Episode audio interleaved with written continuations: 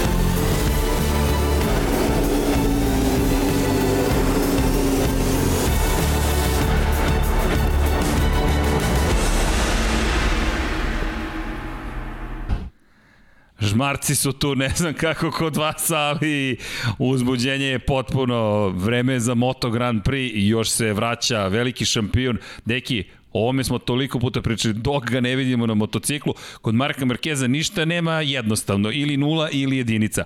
Ok, hoćete na motociklu da budem, a ne, ne, ne, nećete me dobiti na motokrosu. Idemo na stazu, a zabranjeno mi da vozim RC213V. Jeste, može RC213V povlaka S. Može. Dami i gospodo, Mark Marquez, kako ti ovo izgledalo?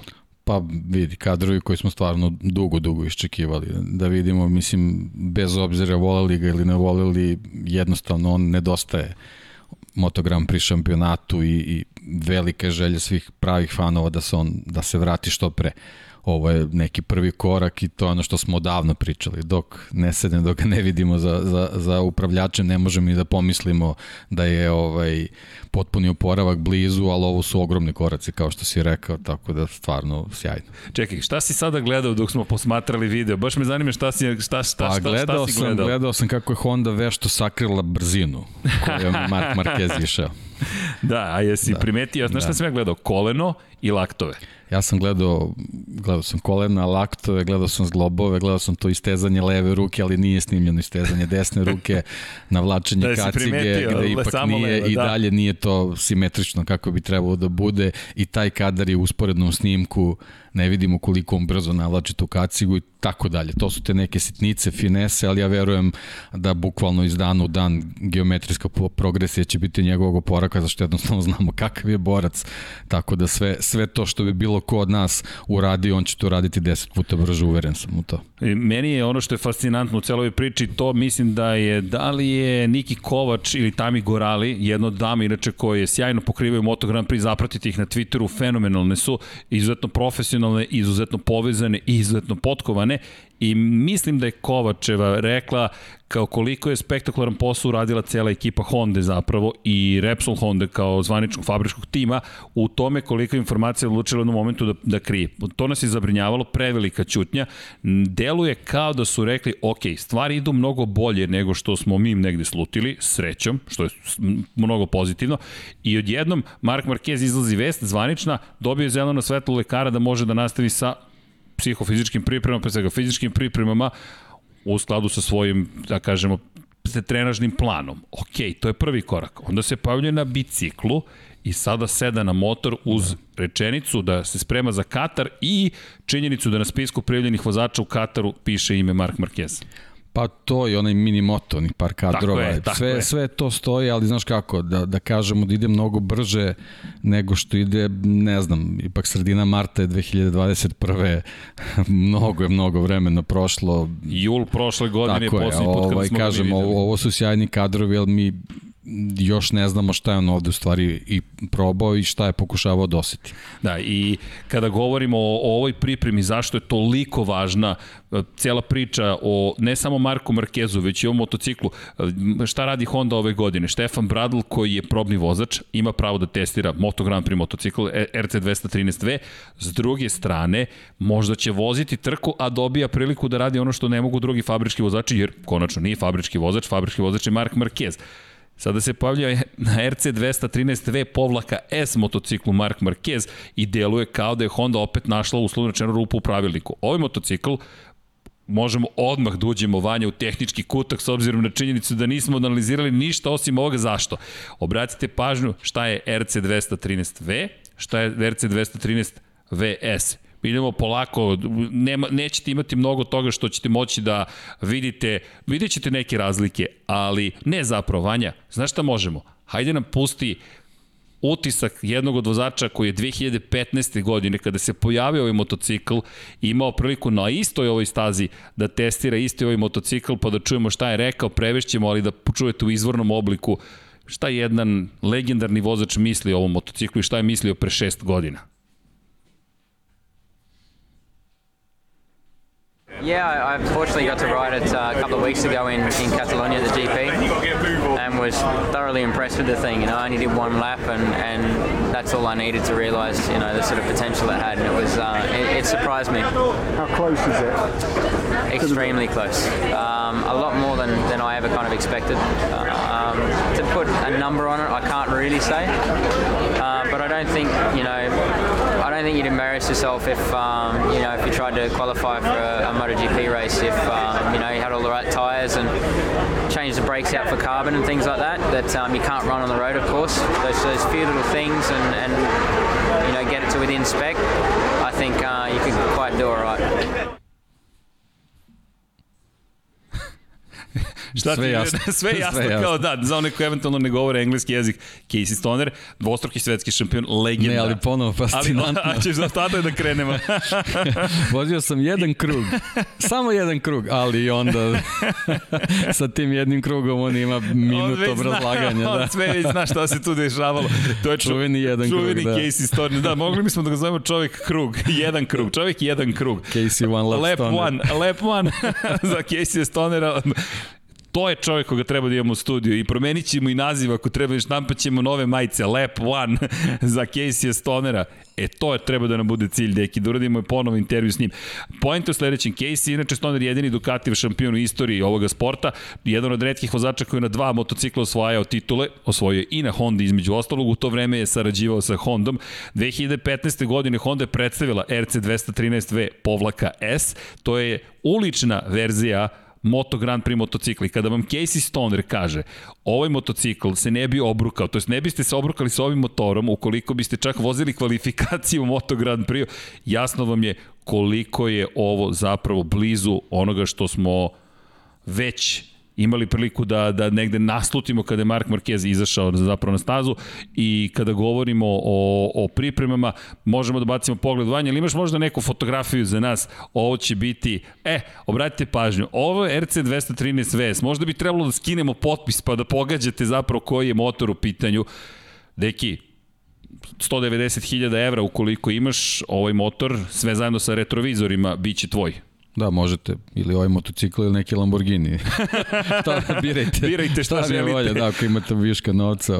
da, ne, je. ne, impresivno izgleda zaista. Ovaj, I mislim, ono, ako je, ako je Marko u ovom trenutku uh, mogao da, da, da bira šta, s čim, će, s čim će pokušati da vidi ovaj, na kom je nivou, to je ovaj motocikl definitivno, ne, nema sumnje. Nema sumnje, jeste da. star 6 godina, ali dalje, ljudi, ovo je legendarni motor, legendarni ulični motocikl i ovo je, ovo je poruka kada ga kupi neko, to je pitanje i moći i dominacije, ali isto tako i veštine koje je neophodno da, da biste Ili eksponat, zavisi. Ili eksponat, da, često završi da. spavaćim sobama. Da, da, da, da, pa da. da. mislim da bi, se, da bi ovde završio negde u studiju, u nekoj vitrini staklenoj. Bukvalno. Mada, da, ukoliko da. dođu naši prijatelji i pitanje, da. ja mislim da bi ga želeli na ulici. U svakom slučaju, da, e, bacimo pogledi na to kako izgleda RC200. Evo, još jedan pogled. Ovo je opet njegova vožnja. I ovde smo vodili računa koliko su kolena nisko, koliko su laktovi nisko.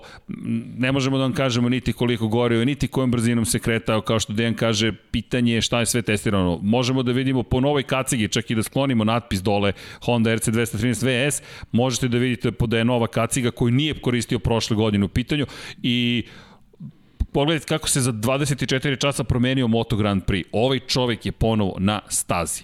Ovde možete da vidite razlike kada pogledate teleskopsku viljušku, kada pogledate prednji kraj, jednostavno oslanjanje koliko god da je kvalitetno, to i dalje ulično oslanjanje, dakle morali biste malo ipak da ga prilagodite, ali je veoma blizu ovaj motocikl DNK mu identičan onome što smo imali u zapravo Moto Grand Prix, kada pređemo na... Obratite pažnju međutim na, na, na prednji kraj ovde. Obratite pažnju na prednji kraj i kasnije kada budete videli RC 213V, dakle trkačku verziju, od pre dve godine sa iste staze smo uzmeli fotografije, koliko to izgleda manje više identično. Da, i ovo je jedna možda od ohrabrujućih fotografija vezano za, za njegov stil vožnje, gde vidimo da, da je ova desna ruka prilično opterećena ovde, što je, yes. što je jako važna stvar i pretpostavljam da, da je sama ova priprema vezana za ovaj motocikl bila bitna da, da on što više bude sličan po samoj masi ovaj, u odnosu na Moto Grand Prix motocikl i da su svi ti elementi s kojima se Marquez služi vezane za, za, za, za pozicije komandi za noge, za ruke, za,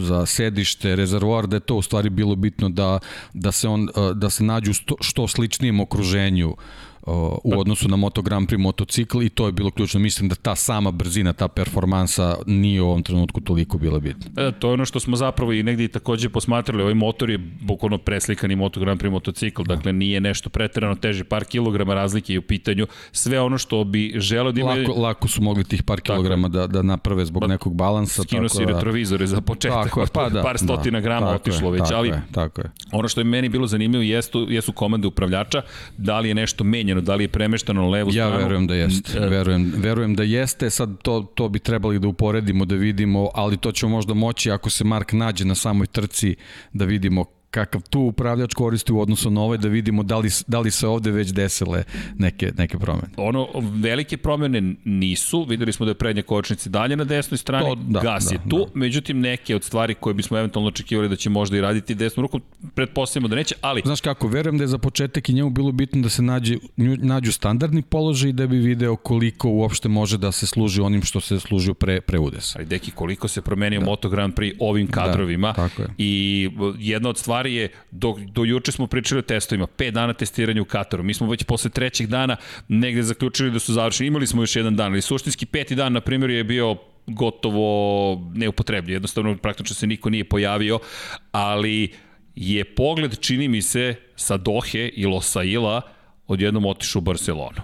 I dok si juče možda gledao vremena koje si postavljao u Kataru, ako si vozač Moto Grand Prix-a, imam osjećaj da si jednom rekao, ok, Sad, da li ovo išta važi? Još uvek nemamo odgovor, mi ne znamo da li će voziti za 9 dana ili ne.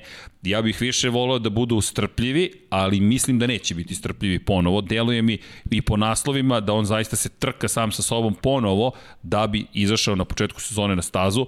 Nadam se da ne prave istu grešku, zaista to bi bilo katastrofalno, ali po svemu sudeći ta operacija treća, kosti, koja čini se da je bila uspešna, da su da je kost zarasla, mu dozvoljava već sada da bude praktično Moto Grand Prix motociklu, tako da jedva čekam, ali suština mi jeste zapravo kako šta ti misliš, da se promenilo? Da li sad gledamo svi, aha, šta radi Mark Marquez? Ipak je on bio taj koji je bio kralj u momentu kada je pao. Imamo novog kralja, zove se Joan Mir na Suzuki-u, međutim imamo utisak da sada sve kalkulacije koje si imao i poređenje vremena Pa, znaš kako, generalno svima je laknulo svojim, kažem, ko, ko zaista ovaj, uživa Moto Grand Prix mora, mora jednostavno tako da razmišlja, svima je laknulo da, da možemo jednostavno da ga vidimo da će čovjek ponovo da bude u funkciju on je ipak i u ovom trenutku i dalje rekonvalescent, znači to ne smemo nikako yes. da zaboravimo i to što je do Katara 11 dana apsolutno ne mora ništa da znači polako, postepeno, vidjet ćemo, ali kažem, njegovih 11 dana, to je za nekog drugog možda i dva meseca. Jer uveren sam da, da će to biti onaj speed recovery uh, kako, ovaj, kako on to ume. Uh, pričali smo o tome, kost je jedno, kost je zarasla i to je super, sve je okej. Okay. Nama je jako važna ta motorika, ta funkcija ruke, koliko je ona sačuvana zbog svega šta se izdešavalo, ne samo zbog tih padova, operacija u, u, u vezano za Jerez, nego zbog svega ovaj, čime je njegov organizam izmu, izmučen i od ranije. Tako da moramo da vidimo kako se to sad sve uklopilo posle, posle ovih poslednjih operacija, ali to su neke stvari koje se odnose na one finese koji su onih nekih ključnih 5 do 10% u performansama vozača vezanim za samu trku i za kvalifikacije. To nećemo moći da znamo dok, dok se ne nađe na stazi zajedno sa ostalima. Meni je ovo fascinantna promjena u samo 24 časa kombinovana zajedno sa vešću koja nam je takođe došla danas i ne znam ko je bio brži, da li je ekipa iz The Race-a, da li su oni bili Simon Peterson ili je Pekino bio brži i samo jednom izlaze vesti. Uskoro će April da saopšti da potpisuje ugovor sa još nekim. Pa ovo je bukvalno bilo ti rangovi nekih pravih ekskluzivnih vesti. Tako, to je to. Ali zašto to mi je, je ovo toliko zanimljivo? Gde smo gledali prve njihove velike duele? Na Red Bull ringu i u Kataru. I sada Andrea Doviciozo potpisuje za Apriliju, Mark Marquez izlazi na stazu i odjednom The boys are back in town, the good old boys, otprilike kao da se ništa, sve što smo old pričali, sve to sad ide iz početka i sad njih dvojice su opet glavne zvezde i glavne vesti u Moto Grand Prix. Bez obzira, Rossi u novom timu, testovi su iza nas, imamo novog švedskog šampiona, da li se Yamaha popravili ili nije, može li Jack Miller da bude novi Casey Stoner, koga smo eto imali prilike da čujemo i da vidimo, ili ćemo opet pričati o Marku Markezu i Andreju Doviciozu, opet ćemo pričati o Marku Markezu i Andreju Doviciozu. Da, Doviciozu nažalost nije potpisao još uvek, što pa ovo je osmeh, jedan od redkih verovatno, hvala Vanja, iz perspektive Ducatija, dok je još bio vozač Ducatija, ali da, čovek koji je odbio da potpiše za Apriliju i mislim da se vesti ponovo vezuju jedna na drugo, to nismo mi prvi, nije nam prvima palo na pamet, deluje kao da je Dovi čekao da vidi šta će biti u Barceloni. Upravo ove kadrove koje smo s Markezom prikazali, da kaže, ej, ako se otvori ovo mesto, ja bih tu da budem, ali mesto je zatvoreno, rekao bih, i to mi je još jedna potvrda da će Marquez voziti vrlo, vrlo brzo Moto Grand Prix trku, a Andreja Dovicius nekim svojim racionalnim putem bira da bude probni vozač Aprilije i narednog meseca će voziti u Herezu na čuvenoj takođe stazi Španskoj za ekipu Aprilije koja ima potpuno novi motocikl i koja deluje vrlo ozbiljno pripremljena za novu sezonu. Da, s tim što ne možemo zvanično kažemo da je test vozač Aprilije. Znači, ovo mi da. više liči kao na ponudu Toto Wolfa Romanu Gržanu da provoza malo Mercedes da vidi kako to izgleda. Ovaj, ali, to će biti test u smislu da, da će Dovi biti na raspoloženju svim inženjerima Aprilije koji žele da saznaju bilo šta vezano za taj motocikl i to je ono što smo i prošli put pričali šta Aprili nedostaje.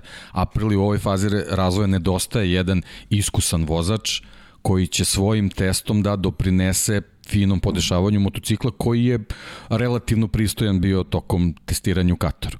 E sad, a, da li je čekao odluku Marka Markeza Ne znamo, naravno, to nam, to nam niko neće reći, možda je slučajnost, ali teško da je baš tolika koincidencija da se to sve dešava u, danu. u istom danu, u 24 sata, ajde da kažemo tako.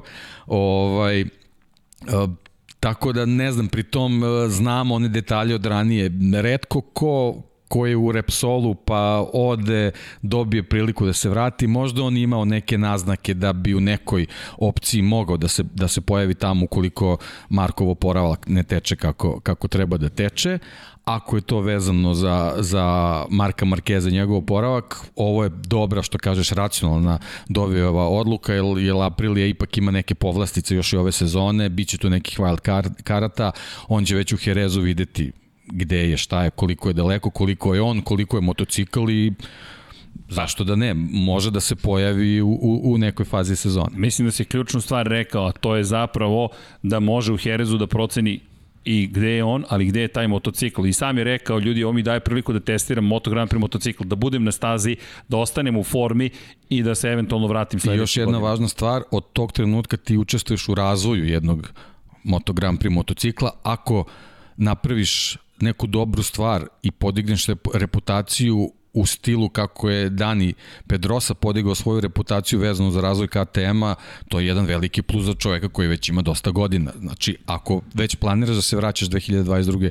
godinu u karavan, a već nešto dobro uradiš vezano za tvoje iskustvo, i, i novu ekipu, to, to je baš, baš dobra reputacija i jako dobra startna pozicija za neke pregovore. Ako može da ostane u formi, što fizički, što psihički. U formi smo spreman... videli, on je, on je non stop na, na motokrosu, tako da siguran sam da je, vidim da se hvali sa nekim motorhomovima i nekim prikolicama i uživa. kamperima razne, uživa. Definitivno uživa. uživa da. Uživa njemu, njemu definitivno trebalo rastarećenje ogrom, ogroman psihološki pritisak imao u Ducatiju, pre svega vezano za komunikaciju i otkrio on u, u gomili intervjue razne stvari ispričao, tamo mu je zaista bilo, bilo teško, posebno trenutka kad je Jorge Lorenzo došao, a to je već bilo jako davno. to već dugo traje. To, to je jedna od stvari na koji mislim. Kada govorimo o fizičkoj pripremi, opet, teško je trenirati za Moto Grand Prix. Da biste bili u formi za MotoGP, morate da vozite MotoGP. Ko će voziti MotoGP i to bez ograničenja kao potencijalni probni vozač Andrea Doviciozo.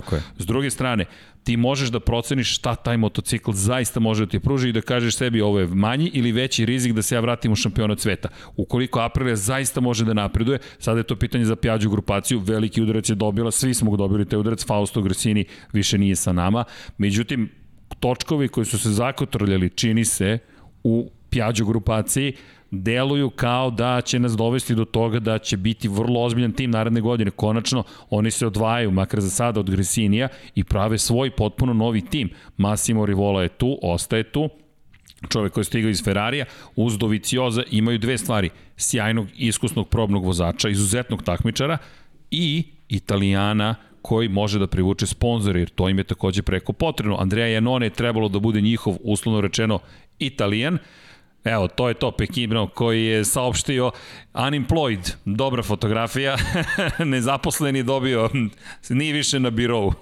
Da, iskreno, kad smo videli ovu objavu, ja sam stvarno pomislio da će biti nešto više od, od ovoga šta smo na kraju dobili, ali to je jednostavno dovi. O, kod njega nema, ne može da bude Bravo, ništa pompezno. Ali, buk, to je ali ne samo to, tako. mora sve rezervisano, tako je. polako. Tako je. Izašao sam iz priče, neću da uđem u aprili, to je moj utisak, ukoliko... Dobro, bilo jasno, nije, nije ga, nema ga spremno. na spisku, znači njega nije bilo na spisku vozača za sezonu, znači eventualno ga možemo dobiti kao wild card.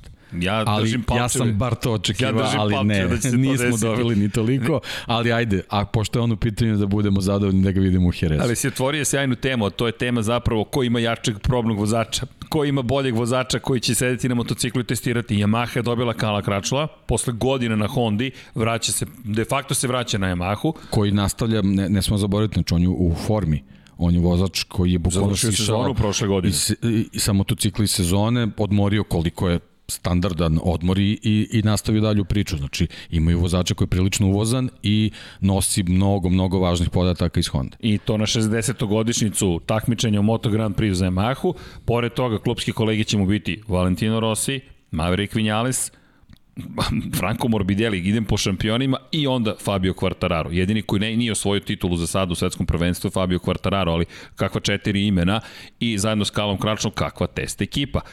Najveća zvezda kod test ekipa sigurno je Dani Pedrosa u KTM-u. Moram da napravim digresiju, izvini. Ali KTM koji je potvrdio da je između novembra i decembra prošle godine želeo da kupi Ducati. I Stefan Pirer koji je rekao, inače izvrši direktor KTM-a, potvrdio je javno, rekao je jedino što nas zanima je Ducati. Dakle, to je, to je Ferrari među motociklima i što se našeg portfolija robnih marki, to je brendova tiče, jedino što želimo jeste Ducati. Fascinantno, nije to šuškanje, to, je, ne, to su bili tračevi. Ne, dali su ponudu Audiju, krenuli su u akviziciju i od toga su odustali. Rekao je da je Volkswagen, da porodice zapravo koji upravljaju Volkswagenom lično doživljavaju Ducati i ne žele da ga prodaju. Kupljen je za 750 miliona evra, 2012. godine je završena ta akvizicija u ovih 9 godina skočila je vrednost Ducati na skoro milijardu i po. Međutim, KTM je toliko uspešan da KTM može sebi da priušti i tu akviziciju i popuni. Zamisli KTM... Ali i Audi toliko uspešan da im tih Tako milijardu i po ne treba uopšte. da, a znaš šta je rekao? Rekao je, mislio sam da će im Dieselgate zapravo doći glave po pitanju vlasništva na Ducatijem, da, da, da. međutim to se nije desilo, ne daju Ducati. Šta znači Ducati? Evo konačno Lego Ducati je pored tebe i taj isti Dovicioza koji će sad doneti tajne Ducatija u ekipu Aprili. To isto ne treba zaboraviti. I to je mala, rekao bih, i slatka osveta Aprilije koja je izgubila Luigi Dalinju, jer on je vodio fabriku iz Noalea u Superbajku izuzetno uspešno i u nižim kategorijama svetskog prvenstva, pa su Dalinju oteli u Ducatiju. E, sada oteli smo Mislim mi vama nekoga. Mislim da se čitava osveta vodi oko jednog čovjeka. A to nema nikakve veze sa fabrikama. Nego Gigi je taj Gigi, koji je Gigi je taj oko koga se sve vrti. Da, da, da. da, to ne treba zaboraviti, to su velika rivalstva. U svakom slučaju, KTM, da se vratimo na, na, stazu, eto, hteo je, međutim ima Danija Pedrosu, KTM pričat ćemo u nastavku i analizirat ćemo dodatno te testove, ko je šta uradio ili nije uradio KTM koji je tu delovalo nekako najčudnije, ali imaju Danija, Honda ima Štefana Bradla, koji se pokazao kao dobar i opet svetski šampion je, međutim rekao bih da nije na nivou da nije na nivou niko zapravo Danija Pedrose, tu, tu, tu je KTM napravio potez za sva vremena. Doveli su takvog vozača, legendu Moto Grand Prix da im testira i razvija motocikl. Tako da, kada pogledate ko ima boljeg, možemo da spomenemo i Silvana Gintolija, moramo. Konačno, to je šampionski motocikl. Silvan Gintoli je sjajan posao odradio. Pokazao se kao neko ko nije nužno imao tako uspešnu trkačku karijeru, da je izuzetan razvojni vozač. To, to mi se baš dopada. Imamo Michele Apira kao glavnog test vozača u ekipi Ducatija i onda dolazimo eto do Aprilia koja do sada nije imala nikoga toliko moćnog kakav će biti Andrea Dovizioso. Da, to, to smo jednostavno potencirali. To je, to je ta neka faza ako, ako pod lupu stavljamo razvoj KTM-a, uh, jasno dolazimo do zaključka da, da je veliki ovaj uspon nastao dovođenjem Danija Pedrosi. To je ono što i KTM-u što je Aprili nedostajalo u ovoj fazi, evo sad smo, sad smo dobili ovaj odgovor da, da zaista razmišljaju u, u tom smeru, ali naravno što se tiče Rivola ne treba ni sumnjati, on je već pokazao da stvarno ima ovaj uh, prave razumne poteze i ovo je bilo verovatno samo pitanje trenutka kad će se desiti, jedino što, što nismo bili sigurni koje je ime u pitanju, ali nekako smo mogli da naslutimo još od trenutka kad je, kad je Dovi saopštio da neće više voziti za, za Ducati. Da, ili intrigantna sezona je postala još intrigantnija, nekako Delić koji nedostaje bio Mark Marquez, Delić, ne Delić, veliki deo, Doviciozo je možda bio taj delić. I sada dobili smo jedno od najvećih delova slagalice, vratio se Marquez, dobili smo nazad Andreja Dovicioza, na ovaj ili onaj način smo ga dobili i moram ti priznati da jedva, jedva čekam da sve počne zapravo u, u Kataru. Htio da izustim u Bahreinu, nemojte zaboraviti sledeće nedelje i Formula 1 izlazi na stazu i Moto Grand Prix. Nekako pauza, ali sve se dešava ovih nekoliko dana. Neverovatni testovi Formula 1, nove vesti iz Moto Grand Prix, završeni testovi i na stazu naredne nedelje i to na Bliskom istoku, petak sledeći, ljudi, nema mrdanja od petka do nedelje uveče od malih ekrana, inače ne poklapaju se termini Formula 1 i Moto Grand Prix, samo to da napomenem, bilo, su, bilo je nekoliko pitanja na tu temu, da li će se poklopiti, ne, moći ćete uživati i u Formula 1 i u Moto Grand Prix, naravno ukoliko se nešto ne desi vanredno, a nadam se svakako, zaista svakako da se nadam da neće. Dakle, puna postava će biti u, u, u Kataru što se nas tiče, na stazi koju svi poznaju. Mark Marquez nadam se da će se pojaviti dovoljno zdrav i navijam za to da ga vidimo. Zašto? Pa bolje je Moto Grand Prix kada je takav veliki šampion ponovo tu. E sad, za ostatak njegov je ogroman, jul prošle godine, poslednji put kada je vozio, zatim nije bio na predsezanskim testiranjima, nije seo na novu RC 213V, koliko god sličnosti postojale. Vanja, možeš da nam pokažeš, molim te, RC 213V, trkački od pre dve godine, pa ćemo da po... Ovo je motocikl s kojim je Mark Marquez pobedio 2019. godine u Barceloni, verujem da se sećate te odsudne trke kada je Jorge Lorenzo eliminisao većinu vodećih vozača. O, Vanja, ubacio si nam i paint u celu priču. Hvala. Da, o, Vanja je prešao, i OBS nam prikazuješ trenutno. Mislim da treba da se vratimo Ne znam šta Vanja trenutno je rešio da uradi, ali sve je u redu, možemo da ostanemo na ovome, ne moramo ništa da crtamo, videli ste malo trikove iza kulisa. Dakle, 213 V je u pitanju i obratite pažnju na prednji kraj u oplatu koliko podsjeća na RC 213 VS. Možeš da nam baciš pogled s prednje strane za RC 213 VS, čisto da eto da vidite o čemu se to radi. Međutim, ovo je trkački motocikl i kada govorimo o ome, nije upravljao njime, karakteristike motora su dosta drugačije, koliko god podsjećao i dalje to nije ista stvar. Ako poredite Superbike motore u svetskom šampionatu, a pričat ćemo i njihovom testu, mi ne možemo da poredimo Moto Grand Prix Superbike. E, kada se kaže pa samo sekund ili dve razlike, e, baš tih dve sekunde razlike su ono što čini veliku, potpuno drugačiju stvar između Superbajka, Moto Grand Prix-a i zapravo Moto Grand Prix i bilo kog drugog motora. To su prototipi, to je nešto što se samo tu proizvodi i košta mnogo više od 190.000 evra. Dakle, veliki zaostatak, ali bit će na stazi i moram priznati da se radujem. Kada već pričamo o Kataru, da se, da se osvrnemo i na ono što smo videli na testovima, kažem nekako je oteo od jednom s glavne vesti Mark Marquez, pa mu se pridružio Andrea Doviciozo, pa i ovo za KTM što se, što se spominje.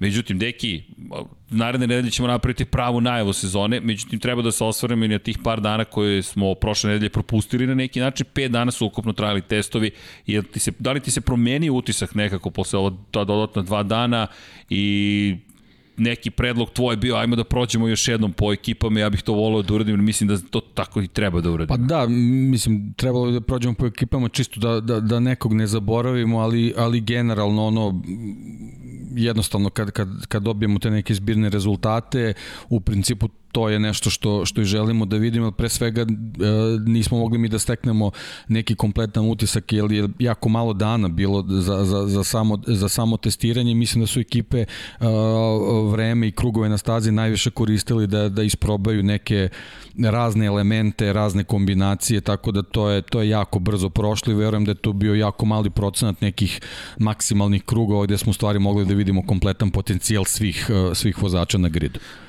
Mene šta je začudilo i krenuo bih obrnuto u odnosu na rezultate onome što smo pričali prošle nedelje. Nekako smo konstatovali, ali kao da nismo dovoljno analizirali. Miguel Oliveira, Brad Binder ove godine su u fabričkoj ekipi KTM-a. I zašto krećemo od KTM-a? Zato što smo svi izbunjeni kolektivno odsustvom KTM-a sa samog vrha lestvice. KTM 16. 17 kada govorimo o fabričkim vozačima, kada govorimo o Tech 3 ekipi, Danilo Petrući bio na poziciji 19, što je opet dobar rezultat za nekoga ko je tek seo na KTM, ali očekujemo više od, od cijele fabrike. Iker Lekona 23. i Dani Pedrosa ok 24 od ukupno 29 vozača koliko ih je bilo, između ostalog smo videli probne vozače, pogotovo Yamaha bila aktivna sa probnim vozačima, Kakav je tvoj utisak o KTM-u? Krenuo bih namerno odatle, jer KTM je prošle godine bio otkrovenje prvenstva. Tri pobede je zabeležio taj tim. Dve za Teh 3 Miguel Oliveira, jednu Brad Binder i sada ih nekako nema na testovima. Pa indikativno je, kad se već spomenuo Daniel Pedroso, on je čitavo vreme bukvalno bio zakucan za, za dno što se tiče samih rezultata, tako da tu je gotovo sigurno da, da su njemu krugovi i ekipi naravno služili da, da se isprobaju neke nove elementi, neke nove kombinacije. Tu sad imaju ne, neka dva faktora vezano za, vezano za sam Katar, jer znamo da KTM-u ta staza generalno ne, ne odgovara ne, nešto preterano, znači tu, tu se već, već kriju neki zaostaci, a druga stvar je što su i, i sami vozači potencirali i, i članovi ekipe da ono što se, što se vidi iz tih rezultata i nije toliko strašno u odnosu na ono šta su oni primećivali. Znači, tu nam ostaje da im verujemo na reč, da je to zaista tako. E sad, zašto ni jednog trenutka se nisu isticali sa rezultatima u odnosu na ostale u, u tim trenucima na stazi, to je sad već onako neko pitanje zbog čega možemo malo, malo da budemo zabrinuti, jer bi stvarno bilo, bilo dobro da, da, da KTM ostane u vrhu i da napravi neki korak više u odnosu na prošlu godinu koja je bila sjajna. Tako da ovaj, ne, ne znam da li ovi rezultati mogu da budu potpuno ogledalo ovaj situacije u KTM-u, ako je tako onda stvarno nije nije dobro jer ne, neće biti toliko prilike u, u sezoni da se da se stvari isprave posebno što su oni više nisu u povlašćenoj kategoriji zbog zbog rezultata od prošle godine tako da neće biti toliko mesta za za neki napredak u slučaju da nešto ne funkcioniše kako treba. Da, i... Dobra stvar, izvini, što, što je sad i kod njih je slučaj sa, sa zamrznutom šasijom, znači oni u principu imaju ono, onaj paket koji su imali od prošle godine i, i nekako je prirodno očekivati da taj, da taj paket uh, samo može da se unapredi. Teško da može uh, nešto mnogo da, da, da se pogreši na, na, na, na, na samom kompletu da, da on sad toliko loše izgleda u odnosu na prošle godine. Ima još jedan bitan moment koji nismo nužno videli, to je to koliko god da su testirali, to je kako će se gume ponašati. Na tome je dosta potencijirao Mike Tako Leitner. Je. U intervju sa Speed Weekom je jedan od menadžera, to je glavni menadžer ekipe Ducatija, Ducatijama, prostite, rekao da zapravo je to jedno od njegovih najvećih pitanja. Imao je dva pitanja, da li će se Mark Marquez pojaviti, odgovor cenim da polako li sigurno dobijemo, i drugo, posle 22 kruga ko će biti najbolji na pneumaticima, s tim što je istakao Ducati, kao favorita. I to smo videli i po brzini i po prethodnim sezonama i to se naslanja na ovu priču koju si spomenuo. Ne, ova staza nije nužno KTM-om, međutim dve trke se voze ovde. Da. To je velika stvar za ekipu koja prošle godine, ako se vratimo u prošlu godinu, bila nadomak osvanja titulu da, izvini, to je, to je velika stvar za KTM zbog ove cele situacije, ali ogromna stvar za Ducati. Jeste. Da ima dve trke u Kataru. Prošle godine, da podsjetimo, Ducati je osvojio titulu u šampionatu konstruktora. Razlika je bila 17 pojena odnosu na Yamahu. Yamaha bi osvojila titulu da nije bilo onih kazni sa početka godine, ali ih je bilo. Suzuki imao dva poena manje na trećoj poziciji u odnosu na Yamahu, KTM samo dva od manje od Suzuki-a. KTM-u je nedostajalo 20 poena prošle godine da dođe do titulu u šampionatu konstruktora. Zato mi je ipak pomalo iznenađujući da na stazi na kojoj je snaga i tekako važna, a videli smo da KTM ima snagu, ih nije bilo. To mi je najveće iznenađenje, zapravo, osnovno rečeno negativno, lepo si rekao, ne možemo baš da izlučimo konačne zaključke, ali indikativno je samo to što, ga, što ih ni jednog trenutka nije bilo da. u, u vrhu. To je malo, malo čudno, jer vidimo da se, se svi u nekom trenutku pojavljivali, uključujući Apriliju. I April u jednom trenutku bila čak neko šesto, sedmo vreme. Pa na kraju je da, i šesti rezultat šesto, bio, tako, ali šest Pargara, kada saberemo sve, tako je, znači April šesto, je bila da. među, među e. najbržima. Znaš, to, to je ipak uh, neko dostignuće koje, koje može da se uzme kao zvanično, od, a KTM-a tu nema. Od šest proizvođača, da, da. od šest proizvođača samo jedan je nedostajao među vodećih deset. Ducati imao najbržeg Jacka Millera, tri Yamaha, Mavericka, Vinjale Fabio Quartarara i Franka Morbidelli, druga, treća, četvrta pozicija.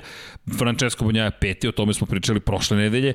April je na poziciji šest, dva Suzuki, Mir Rins, dolazimo do Zarka koji je bio na Ducatiju na poziciji broj 9, Pole Spargaro na poziciji 10 kao jedno od najprijatnijih iznenađenja celog testa da, na Hondi. apsolutno, apsolutno. Da to napomenemo to i to moramo da verovatno da, da. i to dodatni motiv za Marka Markeza da kaže hej hej čekaj da ovde imamo Pola Espargara jer ako pogledamo malo ka, kada je Marquez reagovao i kako je reagovao, obično na rivale koje je smatrao da mu prete.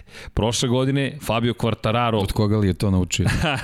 da, od koga li je to naučio? Jednog malog svog rivala iz prošlosti, pa i sadašnjosti, možda i budućnosti, čoveka koji nosi broj 46, ali to je taj fokus na sebe naravno, ali onda na najvećeg zapravo rivala. I sa Fabio Quartararom igre počeo još prošle godine u Maleziji, Nastavile su se i u Herezu, nažalost, došlo je do povrede, došlo je do, do, do preloma ruke. Posle pobede Kvartarara, mislim da i to njega motivisalo da se što brže vrati na stazu. Sada imaš Pola Espargara koji deluje mnogo bolje nego Jorge Lorenzo ikada na toj Hondi. Jorge Lorenzo nijedan test nije imao ovoga praktično tipa gde je već posle par dana bio među top 10 vozača apsolutno si u pravu. To, to je nekako, mislim, teško da govorimo o, o sad nekim motivima za Marka Markeza. Znamo, znači od prvog dana šta su njegovi motivi, ali definitivno je Pol Neko tim nekim je ušao svojim, u garažu, tako je, tako je. nasmejan je i sad je još pride brz. Ušao i bukvalno ono, ono sve što, što neki njegovi prethodnici, uključujući i Markovog brata, jednostavno nisu mogli se snađu od početka. Ne. On je čak i u ovoj, u ovoj nezgodnoj COVID situaciji gde, gde ono, kad imaš priliku u normalnim situacijama da u novembru prethodne godine sedneš i nešto probaš, on jednostavno ni to nije imao, on je seo i posle nekoliko kilometara svi su rekli čekaj, oho, ovo je neko novo lice. Da za pet dana on je da. možda i najviše impresionirao, bez obzira što je Polis vidimo, vidimo, sveta nekada. Čitamo razne ove izjave, njegove kolege su impresionirane njegovim izdanjem, mi čak nismo mogli sve ni da vidimo, mi smo samo kroz neke rezultate nešto mogli da, da, da, ovaj, da, da steknemo neki, neki utisak, oni su ipak ljudi koji su bili s njim u prvom redu na stazi. Ako oni kažu da je, da je impresivan, onda, onda stvarno možemo da očekujemo neko dobro izdanje od njega. Jedva čekam da vidim i taj duel konačno i da ih vidimo bojicu na stazi u isto vreme, ali e, kada prođeš kroz e, dežurne krivce, očekuješ ih. Jack Miller, prijatno iznenađenje, da ne ulazimo ponovo u tu priču, pogledajte izdanje broj 78, Lab 76, tu smo baš pričali o Jacku Milleru. Međutim, u tih top 10, da se vratimo na temu, KTM-a nije bilo, i to ostaje kao meni najveći znak pitanja. Šta ćemo sa KTM-om? Ali teško je uspeti kada pogledaš, kad pogledaš ove imena koje, koje se spremaju da izađu na stazu, bit će gotovo nemoguća misija. Inače, Rossi se oglasio po pitanju toga šta očekuje Mahe, bez obzira na pozitivne signale, Rossi je rekao da još uvek nije uveren da je Maha napravila neophodni korak u napred da bi bila konkurentna koliko veruje da je, da je neophodno da bi se borili za pobjede i za titulu. Da, vidimo, tu su rezultati onako solidni, kad ih čitaš uvek su neka trojica u vrhu, međutim njima nedostaje ponovo ta krajnja brzina. Možda taj Katar nije, nije najbolje merilo ovaj izdanja kao što se nadamo da je slučaj sa KTM-om, ali ovaj taj taj nedostatak maksimalne brzine što je i ključni problem bio i prošle godine ako ako ostaje, to onda stvarno nije dobro. Da, inače kada smo već spominjali malo pre, pa da da da, da ne zaboravimo tu izjavu Jacka Millera koji je čak rekao da od Pola Espargara može da se očekuje ono najviše Dakle, da može da se očekuje čak i borba za pobedu. Bilo je sjajnih izjava Giacomo Agostini koji je rekao inače za Marka Markeza da mora da se vrati na stazu, jer to prosto šampion mora da učini i da zato toliko juri. Verujem da ako neko zna, to je čovjek koji ima 15 titula Giacomo Agostini. I da, da zaključim samo za KTM, to, to, to mi prosto pobegla mi malo premisli. Izvinjam se, Danilo Petrući koji je rekao da je prijavio dosta stvari u Kataru o KTM-u koje po njegovom mišljenju moraju biti unapređene, ali za koje veruje da na drugim stazama neće biti problem za austrijskog proizvođača. Što ide direktno u skladu sa onim što si ti negde i rekao, da, da ovo prosto nije njihova staza. Ovo nije njihova staza, ali ono što smo, što smo već ovaj, i zaključili, problem je što su dve trke tamo to je to može da bude veliki veliki problem za KTM u smislu neko, nekog starta i, i, i neke, neke količine bodova koji mora da, da, da se osvoje da bi se preneli za nastavak sezone da on bude rasterećeni to je nešto što o čemu zaista moraju da razmišljaju, ali znamo s obzirom kako su organizovani, kako funkcionišu i kako, kako odgovaraju na, na, na ovaj, primetbe svojih vozača, verujem da i ovaj neki period e, koji imamo do, do prve trke da će nešto, barem što je, što je Petrući ovaj primetio da, da će ovaj biti, biti usvojeno i, i možda već ovaj primenjeno do, do prve trke. Da, KTM je rekao da su želeli da prosto budu brži, nisu, ali mnogo su napredovali ostali. 356,7 km na čas, da ne zaboravimo, taj moment je vozio Joan Zarko na pravcu. 356,7 km na čas. Mi govorimo o tome da ćemo zvanično probiti barijeru. Siguran sam u kvalifikacijama u zavetrinu od 360 km na čas. Da. Ako bude vetra u leđa, mi idemo e, preko to je, 360. To je taj problem vezan za Yamahu i Quartararo je to potencirao da, da se jednostavno uopšte ne osjeća prijatno kad mu se iza leđa nađu Ducati i sa kakvom lakoćom ga obilazi. Znači to je nešto što, što Yamahi očigledno nedostaje, a kažemo dve trke u Kataru, to je, to je baš mnogo. Šta je novo?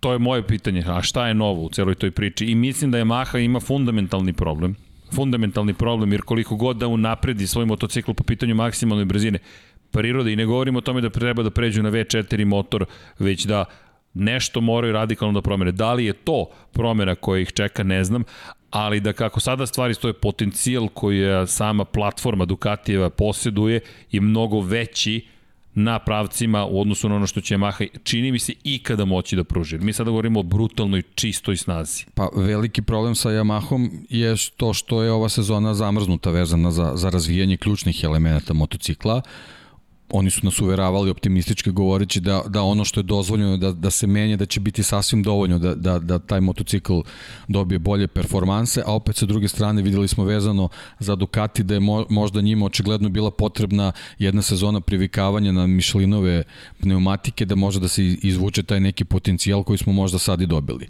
Možda i promenom vozača došlo od toga gde su oni ovaj, vezano za, za njihov stil i možda njihova zapažanja a, olakšali ovaj razvoj i napredak u tim nekim nekim malim segmentima koji su verovatno ovaj jako bitni za, za, za krajnje izdanje tako da mislim da da u odnosu ako pričamo o, o tom nekom ovaj razvoju u smislu finesa vezano za Ducati i Yamahu da je Yamaha i dalje u velikom velikom zaostatku bez obzira što se što se njihovi vozači pojavljuju u vrhu to je ono što smo pričali prošle godine, pa je Vinjales rekao, rešili smo taj problem u 2020. i to se neće poraditi, videli smo da je Maha za nijansu bolja, međutim, stara, ista priča, ostali su napravili ogroman skok, čini se da je Ducati ponovo kralj brzine, da, da je ponovo ubedljivo najbolji. Ducati u segmentima u kojima je u, u segmentima koji su njihov zaštitni znak, oni su jednostavno dominantni. I to su, to su sad potvrdili. Sa Yamahom je problem da sve ono što, što su nam obećavali da će se promeniti u smislu poboljšanja ovaj performansi da se to nije desilo u tolikoj meri koliko, koliko se očekivalo i oni jednostavno nisu, nisu ni u jednom segmentu dominantni ponovo. A to je nešto što, što se od Yamahe očekuje gledamo se značajno. Da. I šta sada? Dva, dve trke u Kataru, ono što si rekao, za Ducati to je najlepši mogući poklon de facto i prilika da urade ono što zapravo odavno nisu uh, možda mogli da, da započnu godinu uz veliki prasak Big Bang, ali ne samo da imaju jednu trku, već dve trke, jer praktično ako dva puta može Jack Miller ili Peko Banjaja, za koji rekao da je na nivou Jacka Millera da zabeleži Jean pobedu. Zarko. Ili Jean Zarko. Uuu, da, ili Jean Zarko. Koji je ogroman motiv ima. Tako da imamo trojicu vozača koji, koji on, jednostavno ne, ne, ne da ih očekujemo kao neko iznenađenje, nego jednostavno zbog svega što, što se videlo na novim testovima, što se videlo na papiru, da im za apsolutno pravo da, da računaju na podijum sva trojica. I to ne jedan, nego da, da dva. Da, sad si me, za sad si me zaintrigirao, moram da ti priznam, kad, kada si spomenuo Joana Zarka i razmišljam, o čekaj, O ovome nisam razmišljao. Moram ti priznati da nisam toliko razmišljao o Joanu Zarku. Više sam gledao da isto kao, ali da, Joan Zarko. Njegov paket se ne razlikuje ništa. Ko je bio najbrži od, od, od, od Jacka Millera, da ko, ko treba da se dokaže svima i Hondi, i Suzuki-u, i Yamahi, i KT. Pazi, on se svima dokazuje manje više. On je došao u Yamahu. On sad pre svega sebi treba da se dokaže. Da, ali, ali, da, ali, ključno kre, kre, to nekako krećemo odatle, podrazumevam. Ali pogledaj, Yamaha ga je dovela, to je Tech Trojka ga je dovela u Moto Grand Prix. Zatim si dobio ugovor sa KTM-om, i to si dobio ugovor u momentu kada ti je Honda, kada te Honda zvala, ali ti je to menadžer sakrio pa nisi znao. Pa je dobio priliku da vozi za Hondu, menjao je Takaki na Kagamija i onda te angažovao Ducati. A Suzuki umeđu vremenu, pozicija 5, da ne zaboravimo, je odbio još na početku da potpiše ugovor s tobom, već je doveo Aleksa Rinsa. Jedino se ap, sa Apriliju mene ne, ne, ne gađa ni na koji način Joan Zarko. Ko zna šta ćemo saznati, šta je menadžer krio od njega, šta je krio Možda ima i toga. Da, da. tako da od, pet, od šest proizvođača, pet proizvođača ima nešto, neku direktnu vezu sa Joanom Zarkom.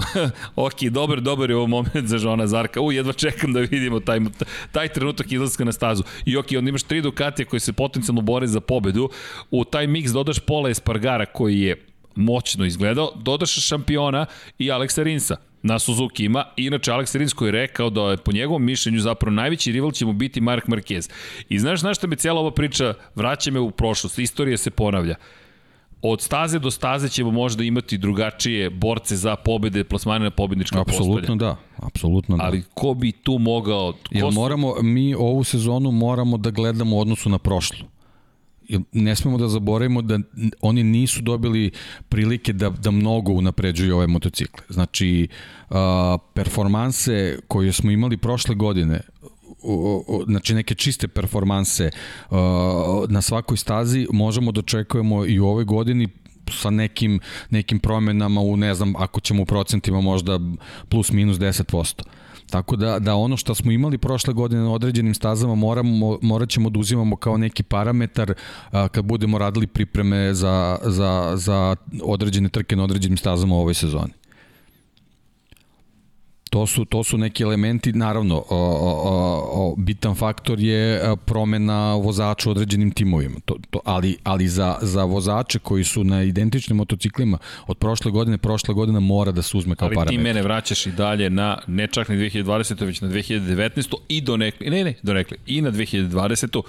Moje pitanje je zapravo ko ti deluju kao dva vozača koji će biti konstantni na svim stazama. Ne, a, dao sam ti odgovor. Ko ti deluju kao vozač? da, da okay. I konstantno, bla, bla. Da. da, da, da, da, da.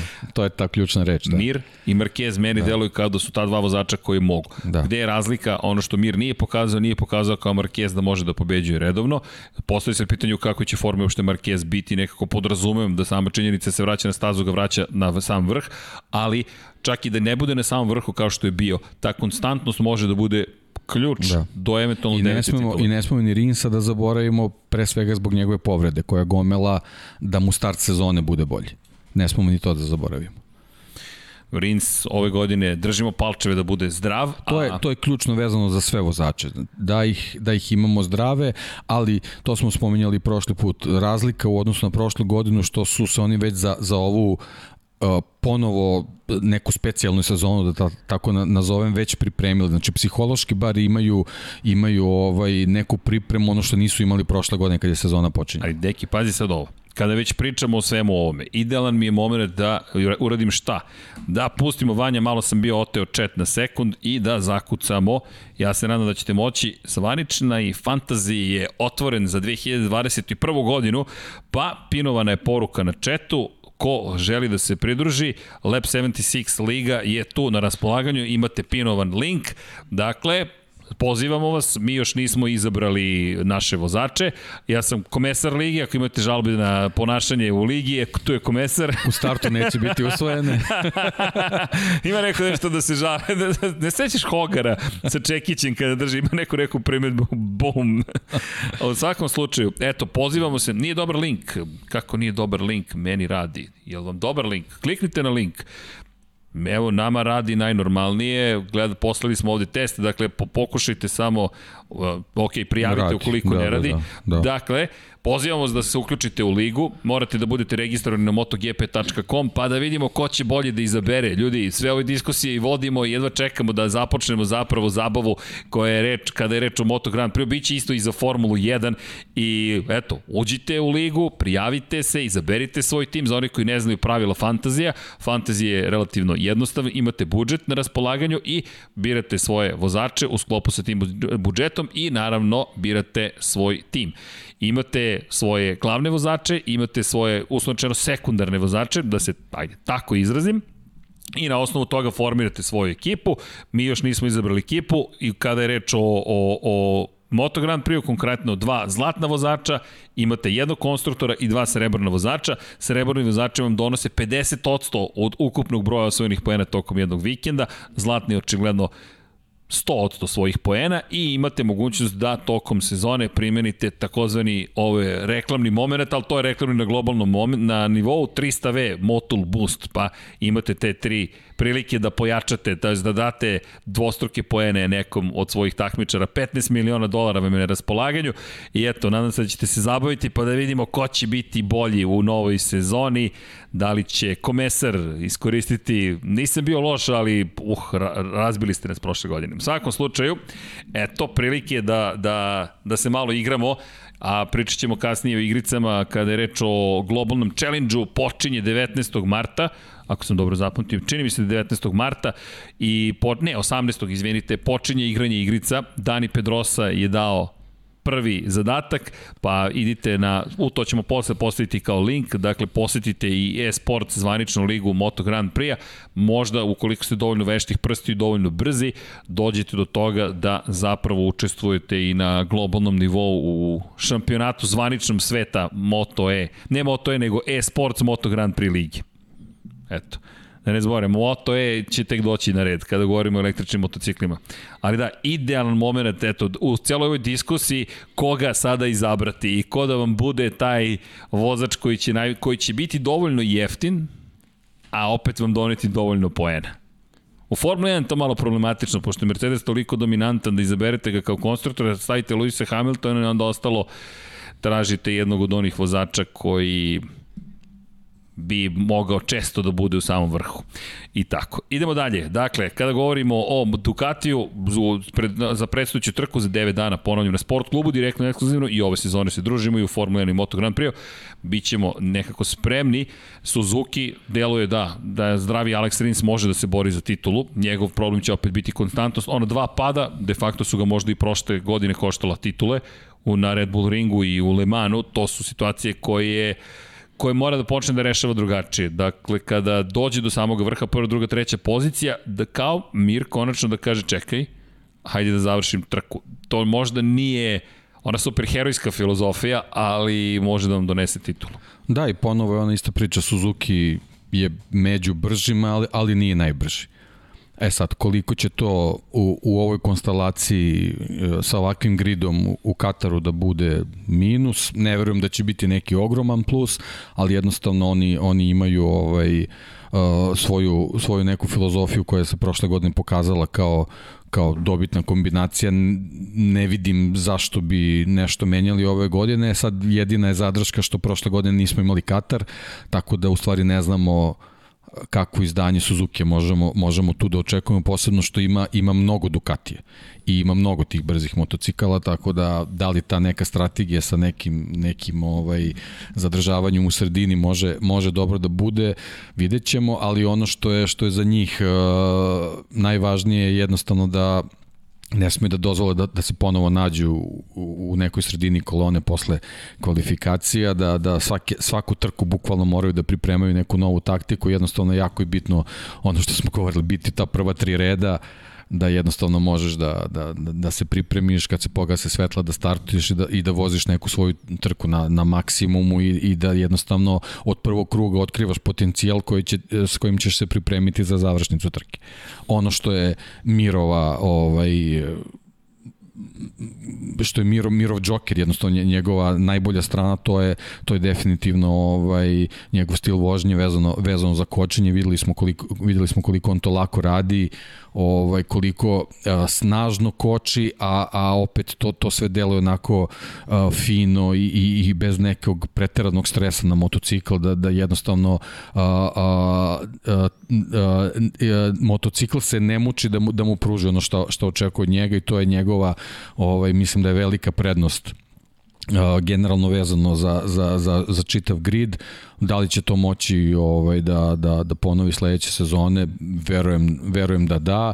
Vidim da u nekim izjavama da je da, da čak i razmatruju da, da se nastupa na, na šasi od prošle sezone, da se čak ni tu ništa ne menja, tako da vidjet ćemo. Jednostavno oni, oni imaju, imaju neku dobitnu kombinaciju koja se, koja se pokazala prošle godine uspešnom, ova godina može da bude jako slična, tako da jednostavno tu je. A već kao što si rekao, što se tiče Rinsa, on je neke ključne poene eh, gu, uh, izgubio padovima, povredama, znači to su neki elementi koji nemaju mnogo tehničkih dodira ovaj, sa, sa samim motociklom, tako da sa tim nekim bodovima i on bi bio ozbiljan konkurent za titulu kako smo videli kako se razvijala sezona, tako da i on je tu jednostavno u nekoj, nekoj jako sličnoj priči, mislim dovoljno je da se, da se ponovi izdanje od prošle godine, e sad šta je sad još potrebno da bi, da bi bio i najbrži, To je sad onako pitanje i pitanje je da li u stvari to Suzuki želi.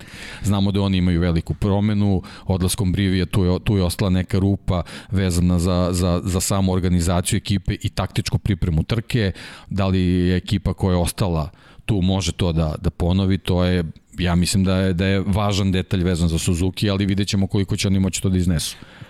50 poena na raspolaganju u, u 7 dana.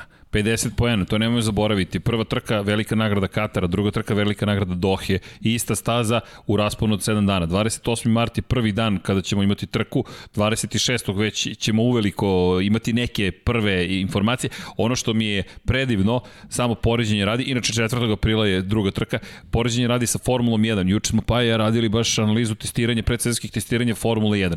I koliko god pričali o predsezonskim testiranjima o tome koliko se i šta krije.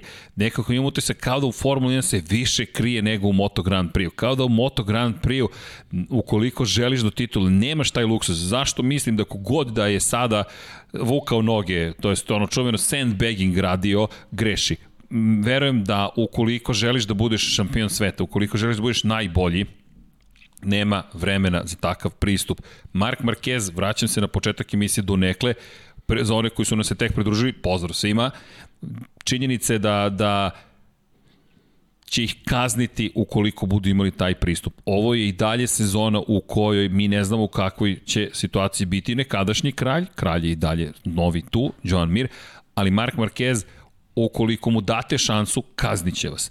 A mislim da svako ko nije ove testove iskoristio, da bude najbrži, najbolji, najjači, naj, da istestira sve što može, da je silno pogrešio, možda i to je bio plan Hondin i zato više volim kada vidim predsedničko testiranje u Moto Grand Prix, kada vidim neke rekordne rezultate, jer makar u tom jednom krugu znamo sigurno da su dali sve od sebe.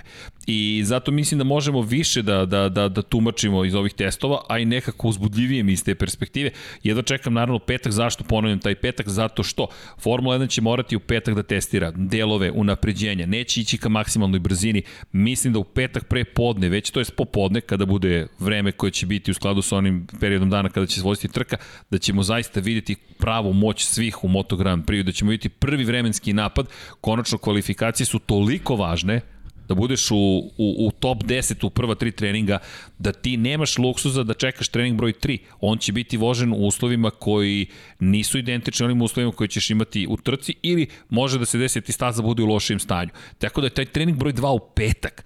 Ako ti sad ovih 5 dana nisi iskoristio da se spremiš za to, Mislim tako da je, si u problemu. Tako, i, i ono, ono što smo ispomenjali, veoma indikativna stvar, ta maksimalna brzina u Kataru, veoma bitna i iz nekih podataka gde su izvučene prosečne maksimalne brzine, na prvim mestima su isključivo vozači Ducatija i Honda. Znači, stvarno je teško poverovati da je neko iz drugih timova pokušavao da sakrije svoju performansu i da ne, ne razvije maksimalnu brzinu. To mi je nekako onako stvarno u tom sportu deluje mi nestvarno. Mislim da gubiš, mislim da gubiš da. mnogo više nego što dobiješ time što smo kao sakrili da. neku informaciju. Da, pri tom, izvinjavam se, a, a, maksimalne brzine, kad pričamo o Ducatiju, pričamo i o dvojici momaka koji voze modeli iz 2019. I oni se nalaze da. u samom vrhu.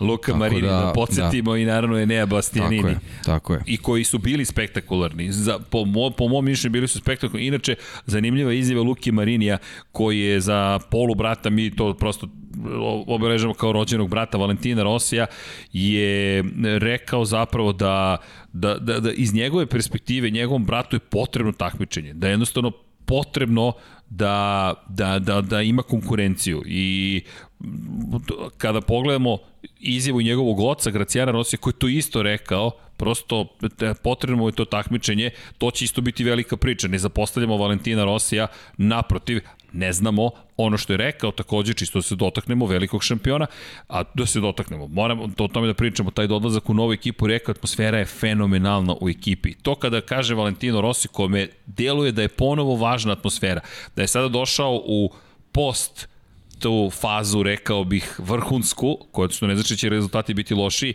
već da kao na početku igrao sam se, zabavljao sam se, išao sam ka cilju, ka vrhu piramide, došao sam na vrh piramide, tamo sam bio profesionalan decenijama, sada idem na neki drugi nivo, u kontekstu ne nužno brzine ili vožnje, ali načina na koji tim funkcioniše. To ne znači da je manje profesionalan tim iz Sepanga, naprotiv, ali da je atmosfera ipak drugačija nego fabrički tim. Fabrika je, ljudi, fabrika. To je ono što stalno ponavljam, koliko god para da Sepang imao, to jest Sepang Racing Team, nije fabrički tim. Ne postoji taj, i, taj sistem funkcionisanja, koliko god da je i korporativan, opet će biti drugačiji. I deluje da on se zabavlja u celoj da, priči. Da, biće drugačiji i, i nekako o, o, iz tih nekih izjava možemo i da zaključimo da je pozitivna stvar u slučaju Valentina Rosija što je, e, što je Sepang upravo takav tim, jer nema nekog upravnog odbora, da, da, da se tako iz, iz, izrazim, nekih inženjera i tehničara koji gube vreme, silno vreme donoseći neku odluku vezanu za, za, za neki setup na stazi, nego jednostavno Valentino Rossi ima osobu koja se obrati, ta osoba seče i ne gubi se vreme. Proverava se odluka, ako je potrebno koriguje se i to je nešto što je, što je možda neki vid efikasnosti koji njemu u ovom trenutku potreban da bude rasterećeniji.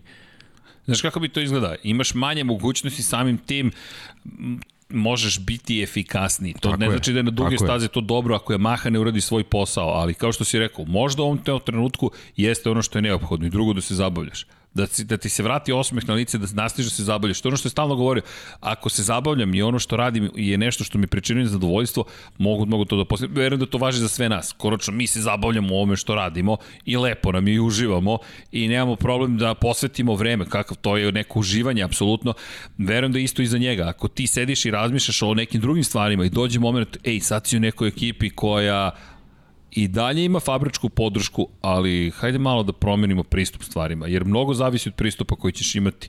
I, i deluje da je na pravom mestu u pravo vreme. Da, i o, promena ekipe o, možda donosi promenu vezanu za, za, za njegovu armiju navijača gde a, svi od njega žele uspeh, ali niko od njega ne očekuje to jer do, do prošle sezone bukvalno je na, od, od, od, od samog da. početka sezone od njega se očekivalo od ove godine se, se samo želi, isto kao i on. Tako da tu, tu možda može da bude neka zajednička talasna dužina koja će njemu pomoći i, i, i možda mu biti taj, taj neki dodatni vetar u leđe da, da, da napravi taj napor da, da učini ponovo ne, neki podvig i, i, i neki podijum ili možda nešto više od toga. 200. podijum ga čeka, to je ono što Juri od prošle godine, kada je stajao na, na trećem mestu u Herezu, pokušao da dođe do 200. pobedničkog postolja, imao ga u rukama prošle godine u Barceloni, hteo je pobedu, skupo je to na kraju platio, visoka cena je plaćena i bio baš skup moment izletanja sa staze, ali opet, ljudi, to je opet neka isto, ne neka, istorija 200 pobedničko postolje u I, i znaš kako, 2020. godina nam pokazuje što se tiče Mahe, da je nekako a, mnogo lakše stići do, do, do podijuma i pobede u Petronas Yamahi, to jest Sepengu, nego, nego na fabričkoj, na fabričkoj Yamahi, to on zna. On to vrlo dobro zna. Tako da to možda može da bude ne, neki, neki balast koji će ga rasteretiti da, da, da dođe do, do, do tog velikog rezultata.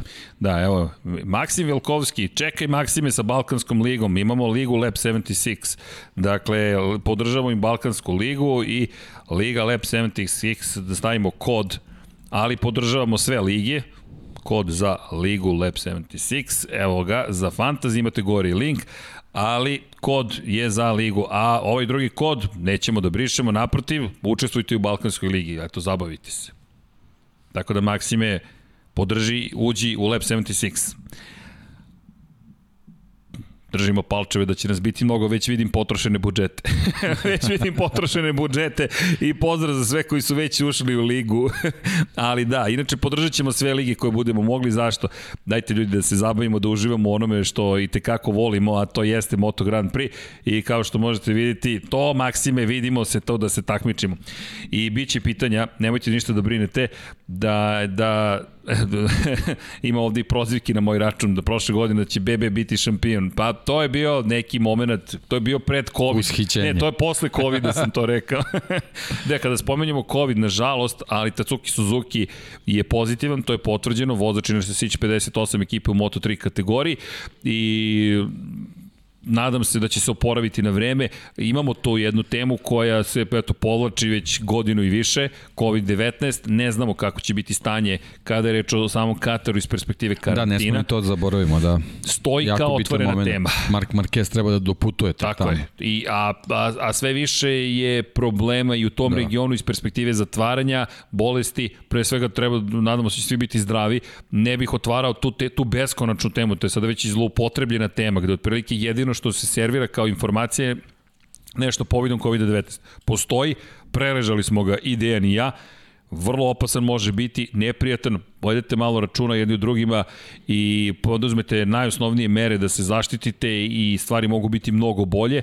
Kada govorimo o samim vozačima, svi su vakcinisani, Pfizerova vakcina, ukoliko je to nešto, neka bitna informacija, je data svima, oni koji nisu dobili će je dobiti, to je bila i ponuda zapravo vlade Katara, prihvatili su je svi u Moto Grand Prix šampionatu.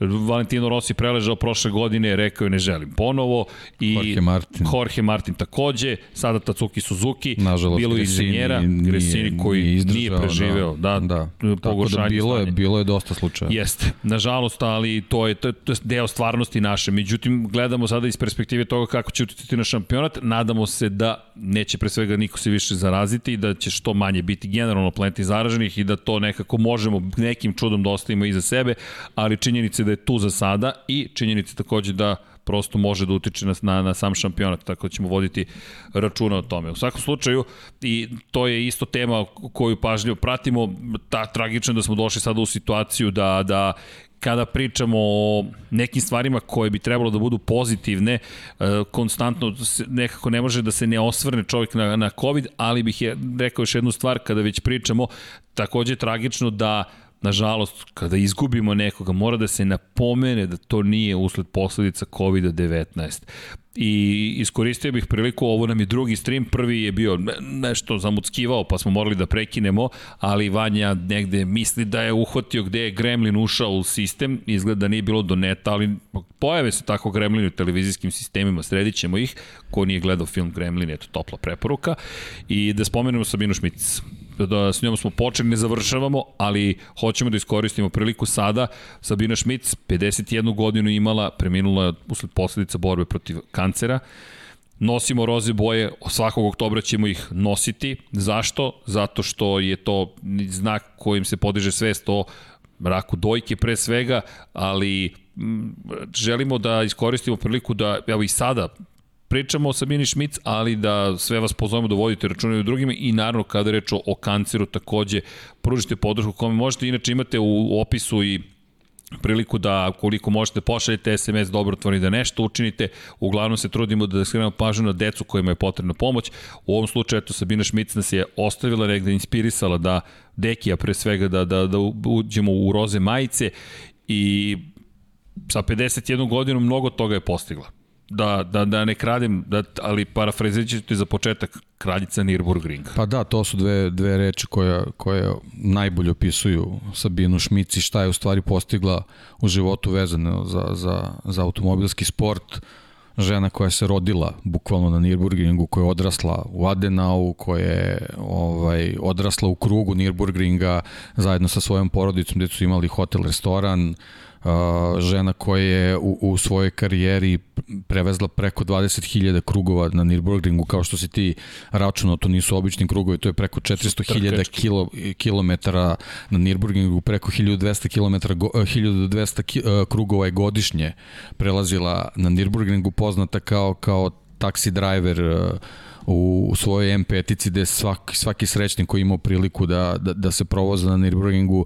svi su bili oduševljeni i, i svi su mogli da se uvere koliko je, sa kakvom strasti je ovaj, svaki krug vozila, ne štedeći se ni jednog trenutka, za sve petrolheade je ovaj, jednostavno se proslavila svojim nastupom u Top Gearu gde praktično postala sastavni deo ovaj, te kultne, kultne emisije gde je gde je vozila ovaj, u jednoj od epizoda Fordov Transit u kombiju je prolazila taj čuveni krug po stazi, pokušavala ispod 10 minuta da, da, ga, da, ga, da ga preveze i na taj način uh, skrenula pažnju na, na, na ljubav prema automobilizmu i automotosportu i nekim ljudima koji su iz nekih drugih razloga pratili te, te emisije možda upravo zbog nje i zavoleli i, i, i oktane i brzinu i sam Nürburgring, taj, taj zeleni pakao kako zovemo, koga ona jednostavno mogla, verujem, žmurečki da, da, da, da prođe. Stavio sam link za one koji žele da vidi taj drugi deo specijala Top Gearovog, koji je impresivan i kako vodi, vozi Ford Transit žena po Nürburgringu, to je jedna od najtežih da, staza. Da, i taj njeni legendarni osmet ovaj, sedeći za upravljačem gde se jednostavno vidi s kakvim uživanjem je, je, je prolazila tom stazom i jednostavno po, po tome će ovaj ostati upamćena, ovaj nažalost eto prerano se prerano se napustila, ali nadam se da da i i i ovaj i ova karijera koju je ovaj imala do sad da će biti neka inspiracija za neke nove mlade dame ovaj koje požele da se bave ovim sportom i da da da one osete tu strast i da se jednostavno nađu u toj grupi ovaj uh, velikih žena koje su se ovaj pojavile u automobilizmu i obelezile istoriju, ne smo da zaboravimo, to smo spomenuli u tom prvom streamu, kako si rekao, Sabina Šmici je i dalje jedina žena koja je pobedila na trci 24 časa Nürburgring. To je, to je onako dostignuće za pamćenje i zauvek će biti zabeleženo da li kao jedina ili kao prva, ali kao prva to ostaje zauvek. Dve pobjede zabeležila, da. obe sa BMW-om, vozila je i u Porscheu, bila je da, treća. Da, da bila je fabrički vozač i BMW-a i Porschea, vozila iz BMW i Porsche, imala je svoj trkački tim koji je osnovala sa suprugom, znači žena koja je punim plućima jednostavno živela za, za, za autosport i kažu da se one tri godine vodila bitku sa kancerom, da, da, da i u toj, u, to, u toj bitci nije skidala svoj čuveni osmeh s lica, svi su verovali da će pobediti, ali eto, nažalost, ovaj, opaka bolest je bila jača i eto, ostaje nam samo da, da se ovaj, sa, sa, sa ljubavlju i, i, i eto to, to, tim, tim nekim zadovoljstvom sećamo sa Sabine Šmici njenih, njenih dostignuća vezanih za Nürburgring. Pamtimo pamtimo. Još jedna od osoba, nažalost, koju na taj način pamtimo, da, ali nažalost, svaka emisija. Svaka emisija svaka nam je... Emisija, sad je ova godina je baš teška. Da, čak, čak, čak razmišljamo ponekad šta, šta, šta i kako i da li da spominjemo, ali Sabinu Šmic želimo moramo da spomenemo, prosto se radi o nekome koji je od dubog traga ostavio automotosportu i nije nikakvo iznenađenje što i, na, i u Formuli 1 i u Moto Grand Prix svugde praktično imate spomenu i, i, i, i, i pozdravi, česti, ne česti, prosto nekako pozitivne uspomene na Sabinu Šmit, svi hoćemo to da vidimo, da je na taj način zapamtimo i rekli smo, ja sam ubeđen da će Nürburgring na neki način obeležiti prosto tu činjenicu da je ona legenda zelenog pakla. Tako da pamtimo Sabinu Šmic, inače ove majice koje vidite, neću da promovišem u ovom trenutku majice kao majice, već samo želim da vam kažem svaki put kada neko kupi roze majicu, sa sve što se ostvari od prihoda, to je ono što se zove profit, će ići u dobrotvorne svrhe, tako da, eto, to je neki naš mali moment da, da, da pokušamo da pomognemo kome god da je pomoć potrebna i na taj način. Ok, idemo dalje kada je reč o Moto Grand Prix-u. Sabina prosto mora da dobije svoj, svoj moment, bez obzira što je pre svega upravljala vozilima česa četiri točka, četvorotočkaša obično pokrijamo utorkom, međutim, ovo je više od, od samo dvotočkaša, četvorotočkaša. Prosto je priča o ljubavi prema automotosportu. Inače, kada pričamo o ljubavi prema automotosportu, dosta pitanja je postavljeno na temu toga ko će biti najbolji igrač. Ono što smo rekli, nemamo predstavu zaista, ne, nemamo pre, predstavu ko će biti najbolji nemoguća emisija u ovom trenutku, ali to i jeste lepota Moto Grand Prix-a. Nismo se, ne, da se ne vraćamo na prethodnu nedelju, nismo dobili neke nove podatke umeđu vremenu. Sada su to uglavnom spekulacije, ključne vesti jesu Marquez i Doviciozo i sa zadrškom polako se pripremamo za početak godine. Šta ćemo da uradimo naredne nedelje? Pa analizirat ćemo malo. Ko je pobeđivao u Kataru, ko je uspevao da započne sezonu najbolje, kod koga očekujemo dobru formu iz te neke istorijske perspektive, kako su se timovi pripremili, verujemo da će biti još informacija i onda ćemo ući naravno u ono najlepše, to će biti prva trka godine. Međutim, nisu samo MotoGP-evci bili na stazi, da spomenem i Superbajkere. Zašto? Pa prosto volimo i Superbike, jednostavno je neophodno pričati o tome. Odgovarat ćemo i na pitanje, to nekako uvek ostavimo za kraj i na kraju pričamo o, o stvarima koje vas zanimaju direktno. Napomenut ćemo naravno još neke od vesti, ima ih dosta, ali bih se dotakao Superbajka, pošto je to takođe premium kategorija praktično, to je premium klasa u jednom drugom šampionatu. Mi ga ne prenosimo konkretno, ali volimo motociklizam, tako da ćemo se uvek pozabaviti time. Da, Superbike i njihovi testovi Mizano. Kakav osmeh na ba, licu. Da, znaš, jednostavno ono kao Katar, to je, to je super sve, naravno uvek, uvek i ushićenje, počinjem sezona u Kataru, ovaj, noćna trka i tako dalje, to je sve, sve onako nekako već postalo zaštitni znak Moto Grand Prix, ali jednostavno Superbike je izabrao Mizano za, za svoje mesto za testove i uz Jerez, to je onako stvarno pre svega nešto što nam je mnogo bliže, što je tu u Evropi, a znamo ovaj, kakve legendarne trke tamo mogu da se voze i jednostavno to je, to je sjajno mesto i, i to je bila dobra prilika da vidimo u stvari ko se gde nalazi kad je vezano i vezano ovaj i za taj za taj šampionat. I ono što je što je indikativno za za te dvodnevne testove vidimo da su Yamahe prilično dobri, da su se onako na, naoštrile da, da, da pomrse račune Kawasakiju i, i Ducatiju na kraju krajeva koji se koji čiji su se vozači u prethodnim godinama i borili za titulu protiv Johnny Re ovaj tako da moguće da ćemo ovaj sledeće godine imati i borbu više od dvojice vozača za titulu. Rinaldi je završio testove na poziciji broja, samo da pozicimo na Ducatiju, činjenica, ali Toprak razgatli ogu, Gerrit Gerlof, koga smo imali prilike da gledamo, su oni koji su zapravo 16. marta imali najbolje rezultate, dakle kada govorimo o rezultatima od juče, pričamo o tome da su Yamaha bile pozicije 2-3, Ducati je bio tu, Scott Redding, pozicija broj 4, čisto da ne zaboravimo, i Andrea Locatelli, morate pristiti da jedva čekam da vidim Andreja Locatelija. To je čovjek koji je svojio titulu u šampionatu sveta u supersportu, inače naš stari znanac iz Moto trojki i Moto dvojki i nekako uvijek sam sentimentalni prema onima koji su vozili u Moto Grand Prix. Gerard Gerlof, štiklirano, vozio je čovjek makar i par treninga, zatim Scott Redding koji, koji je dugo bio tu, Locatelli u nižim klasama, Majas nije, ali je vozio Moto E kategoriju, tako da sada na Kawasaki u Francus, pa će to biti interesantno. Axel Bassani je bio na sedmom mestu, Kohta Nozane osmi, Tito Rabat deveti. Kohta Nozane, da ne zaboravimo, da. vozio je Katar testove za Yamahu. Jeste, za Yamahu. Tako da je prilično zaposlen ovih dana.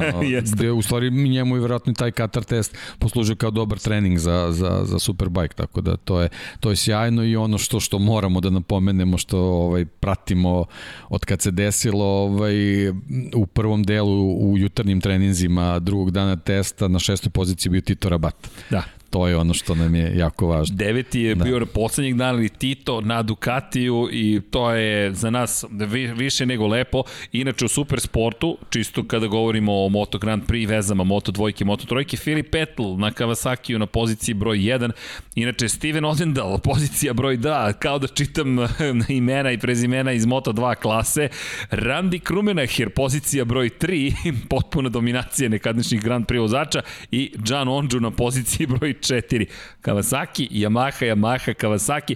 Zašto spomenjamo? Pa mislim da je jasno. Prosto volimo motociklizam, a s druge strane kada pogledate koliko njih je vozilo u Grand Prix-u i otišlo sada u Superbike, Supersport ili bilo koju sličnu, neću da kažem kategoriju, već u neko veliko svetsko takmičenje, mada drugo najveće po nekom našem mišljenju a mislim da je to prilično jasno, onda pogledate i mene kažete, e, ok, ovo su neki naši ljudi, ovo je neka naša ekipa iz Moto Grand Prix, ali to će biti tekako zbuljivo, inače i Michele Piro je bio prisutan, Michele bio 11. prvog dana testiranja, tako da su veze više nego jake. Možda jače nego ikada po, nek, po, nek, po, po, po broju ljudi koji su u poslednjih nekoliko godina vozili u Moto dvojkama i Moto trojkama i Super Sport, moram ti priznati da jedva čekam zapravo Super Sport. Nekako kada dođemo do Superbajka uvek gledamo ipak ka... Možemo da krstimo da nam Super Sport bude neki Moto 3, a Superbike neki Moto 2. može. Da, da, tako da ih može. držimo i samo da navijamo da će biti toliko vozača u konkurenciji za pobedi da. za titule. To da, bi da. stvarno bilo sjajno. Da, Super Sport bi mogao to da, da nam pruži. Uf, dobro, deki, spremne, se, se, a mada sezona neće skoro početi za njih, njima je sezona dosta kasnije isplanirana. Jeste, ali s obzirom da imaju tri trke Tako po je. vikendu, to će brzo se nadoknadi, da to, to, nije, to nije problem. Ok, idemo da. dalje na Moto dvojki i Moto trojki. 19. ide test, e, pre toga, pre toga, Ajde da vas pozovem da učestvujete još nečemu. Ovo je na globalnom nivou i mislim da imate razloga da se prijavite. Prošle godine smo imali, prošle godine je bila malo teža godina, bila je super godina s jedne strane za nas, bila je malo teže s jedne strane za nas. Covid nas je pogodio baš u trenutku kada smo neke stvari zahuktali i onda smo i Deki i ja u jedno koma stanje išli jedno šest nedelja. Koliko si se ti oporavljao ukupno? Pa dva meseca. Dva meseca, sigurno, da. Sigurno. Ja, ja šest nedelja. Da, da. Tu smo, šest i osam da, nedelja, da. baš je potrejalo, pa smo nekako ispali iz te priče sa e-sports, niti smo vozili, niti smo uspeli da podelimo sve kodove koje smo planirali.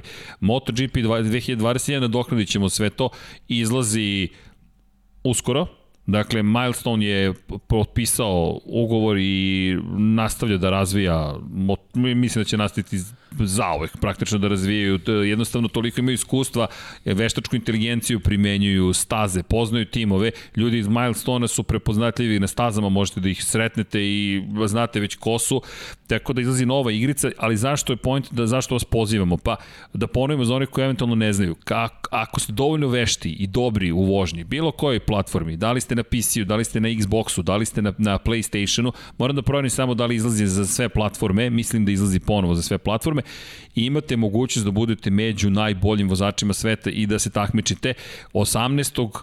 Dakle, u četvrtak, sutradan, uko gledate ovo direktnom prenosu, od 11 časova ujutro po centralno evropskom vremenu, imaćete priliku ali ono što je fenomenalno u ovom izazovu da se vozite protiv Danija Pedrose koji je postavio najbolje vreme, međutim, koja je staza izabrana? Laguna Seca. Ljudi, Laguna Seka, to je pravi izazov, ovo je pro izazov i možete dakle da učestvujete u tom online izazovu, vozite Lagunu Seku pa da vidimo ko je tu najbolji i šta može da učini. Motocikl koji ćete koristiti, Ako se vratite na početak podcasta, RC213V je sada aktualna verzija Honda, ali vi ćete imati mogućnost da koristite u virtualnom svetu RC212V, da za one koji su možda prvi put sa nama, Zašto ta oznaka? Pa RC je zapravo za ok, da se vratimo na HRC, Honda Racing Corporation i sada imate RC motore, 21 je za 21. vek. 211V je bila oznaka za prvi motor, ono je 990 kubika, petocilindrični, 21. vek prva verzija V raspored cilindara, pet ih je tada bilo, RC 212V, 21. vek drugi model, 800 kubika, opet V, četvorocilindrični i sada 213V od 2012. godine pa na ovamo od 1000 kubika, četvorocilindrični V, dakle 212 V, Laguna Seca, model iz 2007. godine, tada se pojavio na stazi, pa da vidimo, tada inače Dani i vozio tu 212 V u stvarnom životu i eto to će biti interesantno i sad mi pade na pamet, vidiš KTM-ov probni vozač se vratio na Hondu, makar u virtualnom svetu. U svakom slučaju, eto, gde treba da idete, čekajte da vam postavimo link, zašto? Pa zato što volimo da se zabavljamo, ili tako? I evo, kako da učestvujete, evo vam informacija kompletna, kako da učestvujete, nadam se da će vam biti od pomoći. Ljudi, hajde neko ko gleda Lab 76 da, da bude najbolji na svetu. To bi nam bio, to bi nam bila ne, neviđena satisfakcija da pozovemo Dornu i kažemo, molim se, ekipa sa ovih prostora ili gde god da živite je najbrža na svetu, tako da imate tu vest, to je zvanična vest sa Moto Grand Prix sajta, imate još jednu vest, sve što treba da znate o tom izazovu, evo ga još jedan link, linkovi, linkovi i samo linkovi i daćemo vam još jedan link, a to je naravno gde treba zapravo da se prijavite. Inače, MotoGP 20 igrica se koristi ja mislim da smo sve pokrili. A ukoliko još nešto nedostaje, evo i linka ka samom zvaničnom web sajtu i to bi bilo to. Eto, pa uživajte. I da, Branislave, jedva čekam da zovem Dornu. jedva čekam da zovem, kažem, hm, i jao, pa moramo skin da napravimo Lab 76. I ja, je li ima neki volonter da nam pomogne da skinujemo, da napravimo lepo motocikl sa brojem 76? Znaš šta sam shvatio? Mi moramo zapravo, kada budemo snimali taj maratonski broj 76, da dođemo nekako do Lorisa Baza Ja mislim da taj specijal posvećen Lorisu Bazu moramo da imamo Lorisa Baza makar virtualno u studiju. Neće ti verovati kad ga budeš zvao. Vidi, ja pišem njegovom menadžeru, to znaš i sam da ću uraditi. Da li bi gospodin Baz mogao da nam se pridruži u proslavu na Lepa 76? Mi smo celu emisiju napravili u njegovu čast, pa eto, ukoliko želi, neka nam se javi. Da, za one koji ne znaju, Loris Baz, francuski vozač koji nosio broj 76. Dakle, da vidimo šta smo, ok, imate sve linkove, jel, su, jel svi funkcionišu, to je to. Dobro, E da, Vehide, to ćemo sada popravimo. To je uh, za kodove. Kodovi, ja nažalost, moja bolest je prouzrokovala da su kodovi istekli. Ovo nije šala, ja sam toliko dugo bio bolestan da su istekli kodovi, pa ću da pišem Milestoneu ponovo da tražimo te kodove da se iskupimo za tu grešku od prošle godine. I to nije zaista bilo nije bilo, nema nikakve namere, kodovi nisu ni upotrebljeni, prosto nije neki izgovor, ali je prilično istinit. Šest nedelja, četiri nedelje sam baš ležao, prvi, prvih 11 dana nisu ni ustanovili da imam zapalenje pluća. I onda je krenula opšta zabava, ali da vas ne gnjemo tim detaljima. Ispravit ćemo to, samo da znate. Samo 26 ljudi u Lab 76 ligi. Čekajte, bit će više, ja se nadam. Da li će Džanki prenositi trku u Kataru? Mi se nadamo da hoće.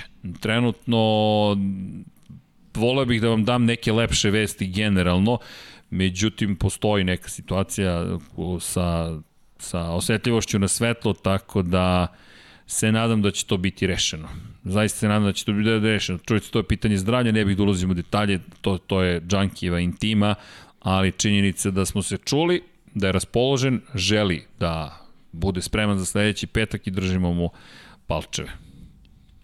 To je sve što bih smatram da je pristojno da, da iznosim u javnost, ne zamerite, ali Junkie Baby svakako nam nedostaje. I nadam se da će biti spreman. Cilj mu jeste zapravo da dođe do toga da zapravo da da bude spreman za sezonu. To je bio cilj. Da bude spreman za sezonu. Pojavio nam se na par prenosa NHL-a, tako da znate. To je jedino što je među vremenu radio, ali eto, nadam se da je tu negde.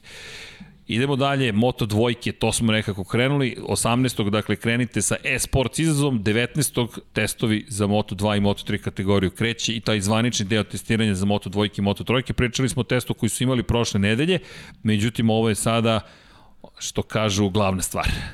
The Real Deal i 19. marta i jedni i drugi izlaze na stazu u Kataru, to je bitno napomenuti, nema više testiranja u Herezu, izlaze na test i ono što bih volio da, da, da jasno napomenemo, kada je konkretno reč o Moto dvojkama, Moto trojkama i Moto Grand Prix klasi, nemamo više tih zvaničnih testova. Sledeći test koji ćemo imati za Moto Grand Prix klasu biće 20. to je 21. oktobra. Ljudi, to je to.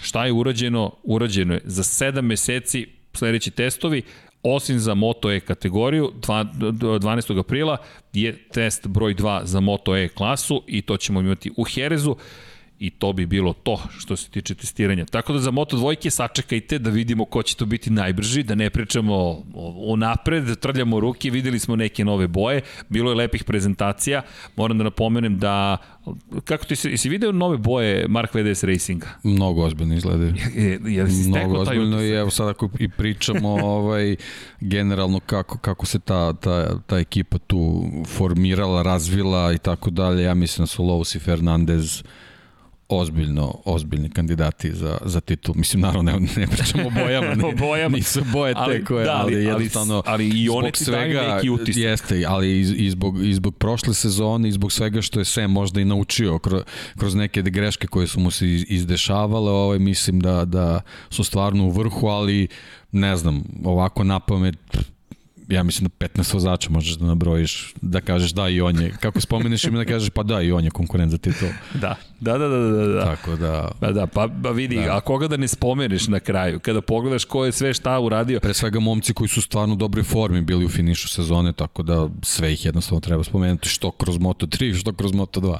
Tako da svi koji su Moto dvojkama ovaj, zaista zaslužuju ovaj, da, da se nađu u, u, u grupi konkurenata za, za titulu. Momci koji su došli iz trojke, naravno, verovatno tu će postojati neki, neki period ovaj, adaptacije, posebno zbog tih malog broja dana za testiranje, ali da mis, mislim da i njih treba uzeti obzir, ozbiljno u obzir. Da, ali gde god da okreneš list, koga da ne uzmeš ozbiljno u obziru? Naprimjer, ne znam, Rossi koji je bio relativno nisko pozicioniran, a odvezao je najbrži svoj lični krug ikada u Losailu. Ikada. Na novoj M jedinici. Pa to sad napredak ili nije napredak, da. šta da očekuješ? Zato je, još, zato je sve toliko fenomenalno, a tek za Moto trojke šta da kažemo. Inače, bilo je pitanje sa Sić 58 ekipu, šta će biti sa tom ekipom, moram priznati da ne razumem konkretno baš pitanje. Sić 58 je tim koji pripada Paulu Simoncelli, ocu Marka Simoncellija, relativno je stabilna struktura, jedino ako nešto nismo propustili za iz cijele priče, ali prosto Paolo Simoncelli nema plan da se povlači iz šampionata koliko mi znamo. Možda je pitanje više za Fausta Gresinija i Gresini Racing. Nove boje i tamo postoje, bliske veze sa sponsorima iz Azije. Držimo palče da će to biti nešto što će im omogućiti da pre svega tokom ove sezone imaju adekvatnu stabilnost da nastave i u budućnosti da se Što takmiče. Što se tiče Moto2, mislim da da da to, to je, nije toliko kompleksna priča i mislim da, da, je, da je već dosta dobro uhodana. Novi sponsor samo može da, da, da, ovaj, da doprinese stabilnosti. Je sad naravno veliki, je, veliki udarac naravno za, za svaki tim koji je e, Gresini vodio bez, bez sumnje, ali ja se nadam da, da će u, u Moto dvojkama ovaj, da ćemo se odužiti na pravi način dobrim rezultatima i tu odmah nastavljamo listu ovaj, nekih konkurenata za pobedi i za titulu sledeće sezoni i Bulega i Diđan Antonio Vidi ovde za Marka Becekija da. navijaju da. masovno, da, ja bih da. rekao, ili je možda samo glasom. Da, Vijeti Beceki, da, to je VR tandem za ovu godinu, za, za dvojke, tako da... Nema, to je već šest. možemo da nastavimo tako. Nastavimo, pa ne, jednostavno, mislim, možemo da, da bukvalno da pročitamo ko je, ko je na gridu, pa nek se ljudi odluče. Ovaj, znaju naravno i oni vrlo dobro i i Roberts i Gardner i Arenas je sad tu Vidiš i koliko Ugura. je teško stati. Ja nemam pojma, ovo je već deset. već je deset, koliko da. je teško stati. I reći, da. ok, ljudi, ajde sad da stanemo. Šta ćemo sa Mancijem? Šta ćemo ne. s Ben Snyderom? Ben Šta ćemo sa Dixonom? Snyder.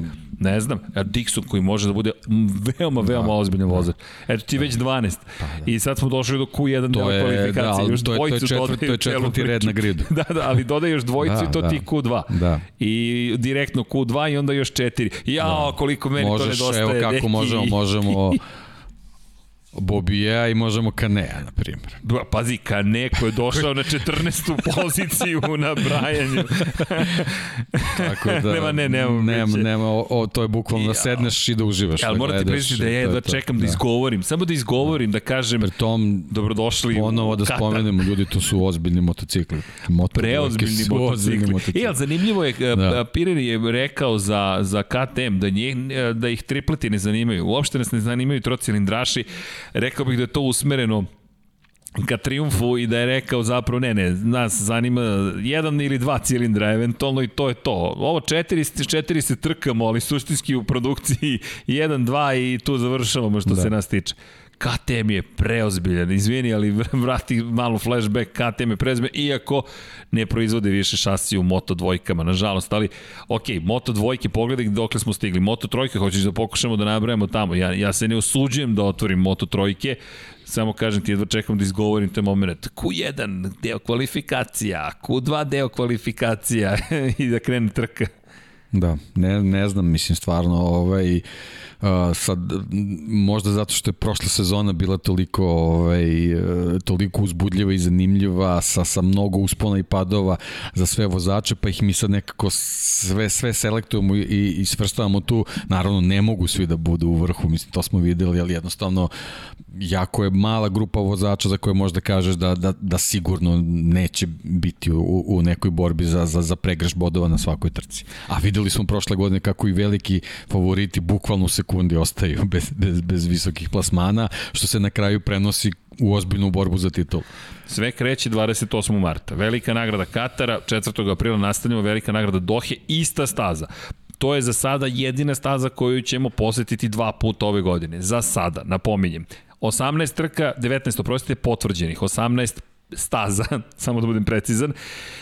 Treća trka, velika nagrada Portugalije, Algarve, to jest Portimao. Osmeh na tvom licu je neprocenjiv. Pa nema šta, mislim. Neprocenjiv. Videli smo kraj prošle sezone, sve nam govori. Pa da, posebno što sad možda dobijemo neko, neko čak i bolje vreme, u neki bolji da. vremenski da. period, ako bude malo toplije tamo bez vetrova nekih, mada teško je tamo Vetar, da ne, teško, teško da nema tamo vetra, ovo, ali eto, možda, možda bude ne, neka, neka, neka, neki prijatniji period, neka bolja atmosfera, nažalost, ne, ne, teško je stvarno misliti da, da u ovom trenutku možda bude gledalaca, ali Vidjet ćemo, ne, ne da, smemo ništa da prognoziramo, možemo samo da se nadamo. Držimo palče. Da, to stvarno je šteta što, što, šteta je što prošla sezona, kako se razvila, da bar nije bilo više ljudi na stazi, ali šta da radimo.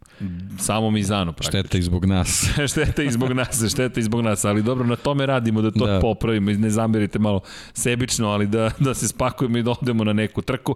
Dakle, treća trka, te, pazi, kod treće trke ide, ide digresija, Portugalija. Četvrta trka, velika nagrada Španije, Jerez, Angel Nieto staza. Peta trka, Velika nagrada Francuske Le Mans. Šesta trka, velika nagrada Italije Mugello. Sedma, velika nagrada Katalunje Barcelona. Inače, 28. mart morat ću iz početka. 28. mart za Katar, 4. april za Dohu, 18. april za Portugaliju, 2. maj za Španiju, 16. maj za Francusku, 30. maj za Italiju, 6. jun, 7. trka, Katalunja, Barcelona. 20. jun, 8. trka, velika nagrada Nemačke, Saxonring. 9. trka, 27. jun, Velika nagrada Holandije, to jest popularni TT u Asenu.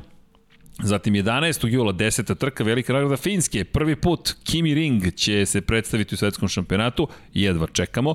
11. trka, 15. avgust, velika nagrada Austrije, Red Bull Ring. 12. trka, 29. avgust, velika nagrada Velike Britanije, Silverstone. 13. trka, 12. septembar, velika nagrada Aragona u Aragonu. 14. trka 19. septembra, velika nagrada San Marine San Marina i Riviere Riminija, Mizano staza Marko Simoncelli. Zatim, ključno pitanje, trka broj 15, 3. oktobra, velika nagrada Japana, Twin Ring Motegi. Da li ćemo stići do Japana? Relativno smo bezbedni do oktobra kada je reč o COVID-u i o putovanjima. Ovo je manje više evropski šampionat uz dodatak trke u Kataru. Međutim, Japan kritičan je da dobijemo Da, i veliki, je, veliki test, ne smo zaboravimo, treba da bude olimpijada, olimpijske igre u stvari u, u, u Tokiju. Ako se to održi na način kako bude propisano i kako treba da se, da se održe, rekli su da će biti stvarno ovaj, ozbiljno striktne mere, ovaj, ja verujem da će onda i ti drugi veliki događaj u Japanu moći da se održe. Tako da vidjet ćemo. Posle Japana, 16. trka, 10. oktobar, velika nagrada Tajlanda, Buriram. 17. trka 24. oktobar. Velika nagrada Australije Ostrovo Filip, 18. trka 31. oktobra, velika nagrada Malezije Staza Sepang i poslednja trka sezone 19. 14. novembra, velika nagrada Valencije Staza Ricardo Tormo. Koje su odložene trke velika nagrada Argentine i velika nagrada Amerika. Dakle, Termas de Riondo i Staza Amerika u Ostinu. Koja je rezervna velika nagrada Indonezije Mandalika Staza to je to.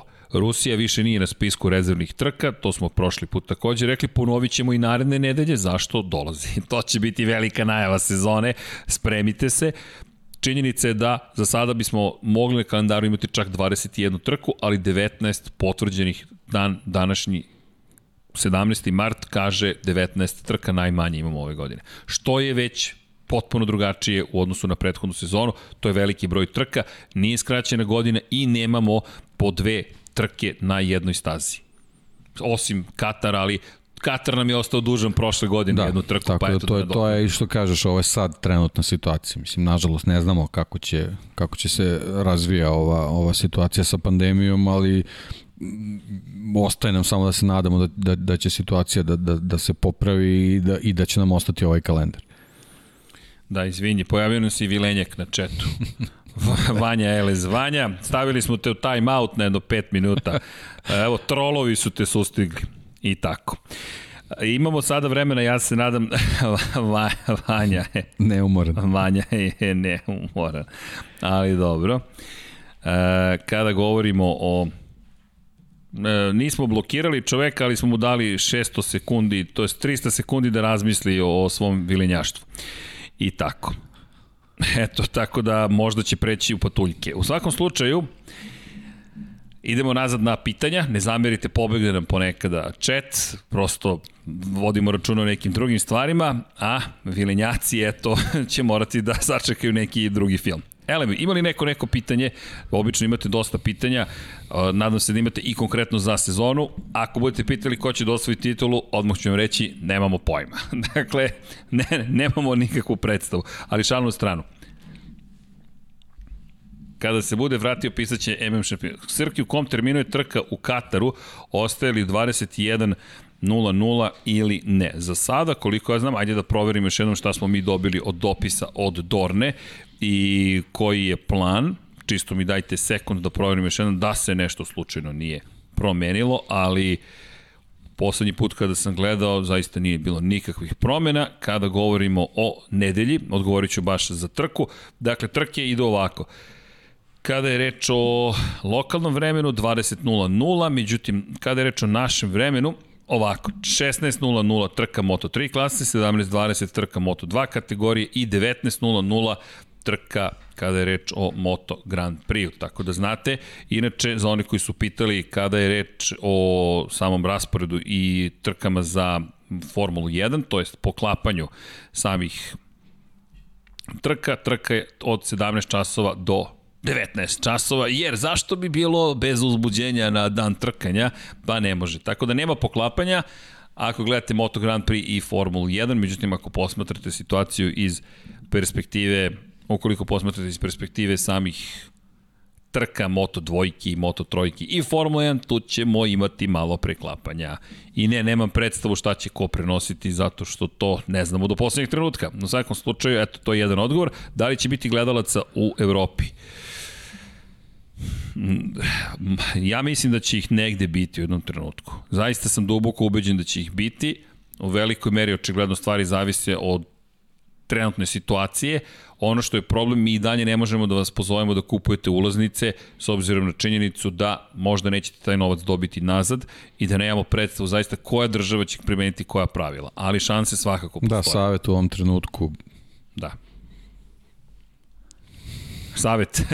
Da. I ne, ne, savet vam je budite strpljivi. Eto, bu, Evo, bukvalno budite Iz ličnog strpljivi. iskustva vezano za neke druge događaje, ja sam prošle godine kupio ulaznice, da. događaj je otkazan i ono što sam dobio kao odgovor je da ulaznice važe za ovaj sledeću godinu, to je za ovu godinu, ako se događaj ponovi, ako se ne ponovi, novac će biti prebačen u, prebačen u vouchere za druge događaje istog organizatora, što znači velika vratnoća da se novac neće dobiti nazad. Tako da eto, verujem da, da je ista priča i sa, sa auto i moto trkama, pre svega to je ogromna količina novca i jako je teško očekivati da će organizator biti spreman da u tom trenutku svima vrati vrati sredstva, nego jednostavno to će se pretvoriti u neke vouchere koji će se koristiti na nešto drugo. Znači, ako niste spremni da, da na taj način trošite novac, onda bolje, bolje nemojte u ovom trenutku da rizikujete i da, i da rezervišete karte. Tako je, malo strpljenja, duga je sezona, vidjet ćemo kako će sve da bude. A inače, Mi... verovatno će biti velika navala ako, ako se, daj Bože, nešto, nešto odključa, znam, tako da... Znam jednu znamo, ekipu koja će slati da, akreditacije. Tako da sačekat ćemo da vidimo, da. Da. Mile Krstavski, kad počinje sezona? Narednog vikenda, 28. marta je prva trka. Happier Life, kakva su očekivanja od Millera? Pa to smo rekli, posebno zbog ovih izdanja na, na testovima, pre svega pobedu u Kataru. A onda, Čekaš pobedu njegovu? Pa Ok, ok. Rekli smo, znači ne, nema... Ja očekujem on, više, postolje. On više, toga je bilo, on više nema nema nekih izgovora, znači na Ducatiju je prvi je prvi je vozač prvi vozač Ducatija, znači realno. nema nema razloga očekivati bilo šta drugo osim pobede okay. na Ducatijevoj stazi. Ok, ja, ja mislim da će biti pobeda ove godine. Sve ok, ali, ali kažem, ovaj, a, a zbog njega bi bilo dobro da što pre pobedi. Skeptičan sam da. samo da li će cijele sezone biti toliko konstantan. Dobro, to, ali to ćemo vidjeti. Pobednička postolja očekujem. Da. Ako je pitanje za samu ovu trku, sigurno na pobedničkom postolju, ne sme da padne. Ne sme da padne, da. mora, mora da ostane pribran. Imao je te situacije, setite se Muđela sa, sa Lamborghini bojama. Imao je brzinu, ali, ali je pao. Ko je po vama najbolji vozač Moto Grand Prix ikada, Vedator, možda ste pričali o tome nekada, ali nisam ispratio Rossi, to jest Mark, Rossi ili neko treći, Pa sad ste pogodili opis otprilike, ja makar nemam jednog samo, svako vreme svoja priča, drugo je, pričali teško smo. poredivo, ali Teško tri koje se izdvajaju i koje su na jednom posebnom mestu. Termin Agostini- najbolji nije, da. nije generalno dobar termin za, za, za takve stvari. Posebno što se kroz mnogo era provlači A čitava da. priča, ne samo za motociklizam, ima sve, mnogo- sav vrhunski automotosport, termin najbolji je jako teško koristiti. Ali, trojicu izdvajamo, Tako je. Agostinija, Rosija i Markeza. Vrlo jednostavno, način na koji su dominirali u svojim erama, način na koji su vozili, način na koji su promenili sport konačno i broj titula 15, 9, 8. Da, a da li je bilo velikih vozača? Da, bilo je. I Kako? sad možemo da elaboriramo Možemo i oni koji da. imaju malo titula, samo dve, na primjer, Sheen. Samo dve. samo dve, a Barry Sheen u istoj rečenici. Kevin Schwanz, samo jedna titula. Da, pa ne, znači, Kevin ako, ako pričamo o tom nekom Tako je. drugom, drugom, drugom stepenu, drugom nivou, znači tu možemo da pričamo o Šinu, o Robertsu, o Stoneru, to je sad opet Milion ih. milion i sad Opet samo različiti su nivoji, a da. Casey. Ali ova trojica koju Da. si spomenuo se izdvajaju. Postigli su mnogo toga. Da. Mišljenje o Rosiju za ovu sezonu, Marko Božević. Da li misliš da će da pobedi? Uh, ja mislim da će biti bolji nego prošle godine. To je, To je dosta a, precizan odgovor. Pobeda je, da. pobeda je nešto što je stvarno sad u ovom trenutku Mislim da, Da. ide na sreću kad je reč o pobedi, Da, ali, ali, mislim da. će imati trka kao prošle godine u Barceloni u kojoj će mu se otvoriti vrata. Ono što sam malo pre vratimo- rekao, izvini, da. a, a, pozitivna stvar što se nalazi u ekipi koja je prošle godine pokazala da lako može da pobedi. Da zna da pobeđa. Da, nije, nije napor da se stigne do pobede. Ok. Ja ubeđen sam da će imati bolju trku nego Barcelonu prošle godine, kada je bio najbrži E, bravo, to je, godine. to je, To. To je dobra definicija. To, da. taj, taj moment. Da li će dobiti samo biti test vozač, pita Hosač, Hosak 99, i test vozač ili će voziti 2021. sezonu u trka. On nije ni sad test vozač. da, on je zvanično. dobio test sa Aprilijom i kada obave taj test i jedni i drugi će sesti da vide šta dalje. Mi slutimo da će test biti dobar nekako ili se možda samo nadamo, ali da će posle toga uslediti pozivi zapravo za te pozivnice i wild card runde i samo samim tim vožnju u par trka u sezoni. Ali sve zavisi od tog prvog testa, ukoliko tu vidi potencijal koji mu odgovara, Doviciozo je veoma racionalan vozač, onda će se to možda desiti. Da li je Pole Spargaro doveden da izvuče još više od Markeza? Pa ne može to tako da se definiše nikako. Ja bih to ovako definisao. Da. Doveden je da kao još jedan vozač koji štiklira nekoliko važnih stavki. Tako je. Pod jedan, šampion je, što negde govori o njegovom pedigreu. Pod dva, bio je brz na KTM-u, bio je redovno na pobjedničkim postavljima u drugoj polovini prošle sezone, razvio jedan motocikl od nule do pobedničkog zajedno i sa Danijem Pedrosom i ostalim vozačima KTM-a, dovoljno je zreo, dovoljno agresivnog stila da vozi Hondu i ono što bih rekao da je najvažnije, ukoliko Mark Marquez se ne oporavi, možda on može biti taj koji neće dozvoliti da Honda baš padne kao što je prošle godine pala da prvi put od 1984. godine ili treće nema pobedu u svetskom šampionatu u motociklizmu. Zato je doveden Pole Espargaro. E sad, da li će pride da motiviše Marka Markeza? Mislim da to nije toliko važno. Ima još jednu stavku koju on štiklira, a to je Španac je i Repsol je onda srećan. Tako je. To je, Tako je. to je Mi uloga sad Pole trenutno Espargaro. ne znamo ono, fizičko stanje Marka Markeza, to smo pričali, znači on ako se Da. pojavi na stazi, ako bude u nekim performansama u početku na nivou Pola Espargara, da, naravno da će Pol biti taj, ali ako Mark bude Mark, to, to jednostavno to nije je kraj slučaj. priče. To nije slučaj. To je- to je bukvalno kraj da. priče. Da, izvini, samo mislim da je Vanjeli zaslužio crnu zastavu, tako da... Ko je zaslužio crnu zastavu? Pa, gospodin Vilenjak. Vilenjak? Da. Je li ponovo tu? Da, da, da. Vratio da. se, Mislim da je vreme za crnu jao. zastavu. Pa ništa. Da. Doviđenja. Vile, Vanja, Vilenjak nam je nestao. Ne volimo da diramo Vilenjak. Izvinite, pobeže mi čet. Ode Vanja. Elem, da se vratimo mi na naša pitanja. Čiji se gume koriste u Moto Grand Prix? Michelinove u ovom trenutku ima ekskluzivni ugovor. Favoriti za titulu za sve tri klase. U, Danilo pa malo pre Pa pričali, nabrojao pa da, 14 pa da, favorita pa da, za titulu da. u Moto dvojkama. Ali ovako, na keca, Lakše je sedam brojeva lotova E, nego... Ajde, ajde probamo jedan od 20, ovako izbacimo samo ime. Pa, pf, pojma. Da. Sam Lowe's je ovaj, za dvojke. Nekako za- onako... je, da, favorit. Zbog posebno zbog finiša prošle sezone. Pa ja mislim da će biti najstabilniji, da. ali znaš sa njim je to, možda je ove godine stabilan, a možda i nije, to se nikad ne zna sa da. Da. Samom Lowsom. Pa ovde sam nagazio kabel, izvini Vanja, naš Vanja. D, u Moto Grand Prix, evo, ko bi nam bio favorit u Moto Grand Prix? Ovako, Moto Grand Prix. da. Uh, pa ajde onako da da, da, da ne, ne, ne pričamo možda ne, nešto sada očiglednije, ali recimo Rins. Da to dobro zvuči. Da. Rins dobro zvuči. A Moto trojke, to je, to je opet to je Pa, standardna nemoguća a, misija. A, da, ali voleo bih Dobro. John McPhee.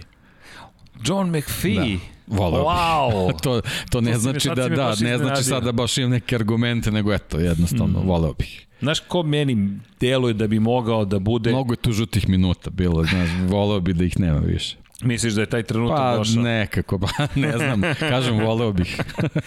Znaš da. ko je meni? Meni je Jeremy Alcoba.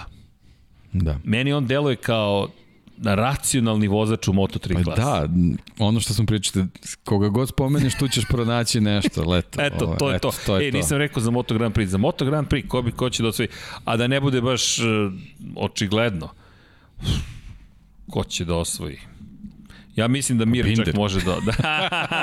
e vidi, ja bih tako rekao Binder ponovo, ali moram da vidim prvu trku, da vidim da li Pa su prošle žute minute. to je problem, imamo tu prvu trku. Okej, ali ona neće mnogo, mnogo da... Brad Binder. Da, Evo, eto, eto. eto. Dobro, ovo je sad samo nagađanje. Sledeće nedelje ćemo raditi neku ozbiljniju analizu. Smatrate li da će Miller biti konstantni u trkama odnosu na prošlu sezonu? Pa to je ono što smo deš, često smo Važna je prva pobjeda. Što predođe, To posle će to. biti konstantno. To je to. Što, što se pobjeda bude odlagala, on će biti sve nervozniji.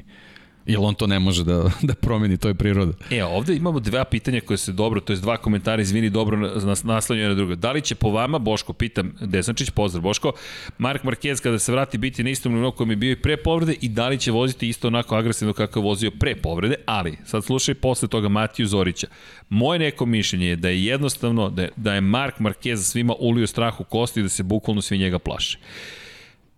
Nisam siguran da ga se plaše ko što su ga se plašili prošle godine, ali činjenica je da ovo što trenutno radi deluje kao upravo taj pokušaj da zastraši i kaže ljudi vratio sam se. I to je ono što smo prokomentarisali na početku, do, do juče si gledao vremena u Kataru, ako si vozač Moto Grand Prix, sada pogledaš u, u Evropu i kažeš um, hm, vratio se. Da. E I sad, niko ne zna ne znamo. koji je stadijum. Da odgovorimo na Povratka. prvo pitanje. Ne znamo. Ne znamo. Kada bolje pogledamo da li Rosijeva šansa za pobedu u Lemanu i u Mizanu, to je neko moje mišljenje, šta vi mislite? Pa u Lemanu da li je, da li je, da li su šanse, Mizano uvek mora biti šansa, to je ipak njegov domaći teren, tu nekako druga pravila vladaju za, za, za Valentino Rosija, Le Mans, nisam nužno siguran za, za Le Mans. Le Mans je nekada bio dobar za njega, ali ta vremena su nekako i iza Rosije, rekao bih. Rekao bih. Uh, Branislav Denić, nemate gostu iz sveta Moto Grand Prix-a, Vesić, Zvezdica, Vanja, ispravit ćemo, nemojte ništa da, da brinete. Bojan Dragišić, hoće li biti neki stream za nas iz Republike Srpske kojima MTL ukinuo sport klub? Pa bojim se da to mi teško ne možemo da rešimo, to je to je, ne znam da li, ne znam da li će, mada nije loše pitanje, proverit ću da li, da li, da li postoji neka digitalna legalna mogućnost za tako nešto, ali moram priznati da... To je jako teško. Da, da to, to su neka posebna prava, nisam siguran da, da, da će moći. Srki, uzeo sam PS Plus, pa kad želiš možemo MotoGP igrati. Ok, igraćemo se, nemojte da brinete. Da za Alex i Maznex Serceg mi je username, dok ne promenimo Infinity Lighthouse imamo korporativni nalog. Da li Dovicio može da se uključi u toku sezone u ekipu Aprilije? Pa može kao poseb, po, vo, pozivni vozač će moći. Da, sad- Aprilija mislim da ima šest wild card Zna- Znaš šta je tu stvar? Lorenzo Savadori zapravo je veliko. Da. pitanje kakav je njegov ugovor uopšte. Kakav je Savadori ugovor? Mi, mi nijednog momenta nismo baš dobili klasično saopštenje Savadori i Aprilije su potpisali takav i takav ugovor. Ne, on je nekako čovjek tu završio. Jednostavno tu je i tu je. Tako da je, da je moguće. Ja verujem da Bastianini može do podijuma, a vi, ou, Ehide, Enea, imate podršku s moje desne strane, apsolutno. Da li može, da li može, pa mislim da nećemo baš imati reprize prošlih, go, prošle godine, težak posao, ali do prvih pet mislim da može.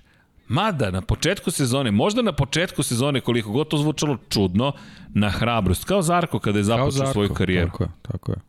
I Zarko prošle godine na tom motociklu. Da. Znači, zašto da ne? Vidimo, vidimo da. da taj motocikl ima potencijala. Bastianini je, mislim, peto peto maksimal, petu maksimalnu brzinu ostvario, prosečnu u, u Kataru. Tako da, verovatno se dobro odseća na motociklu.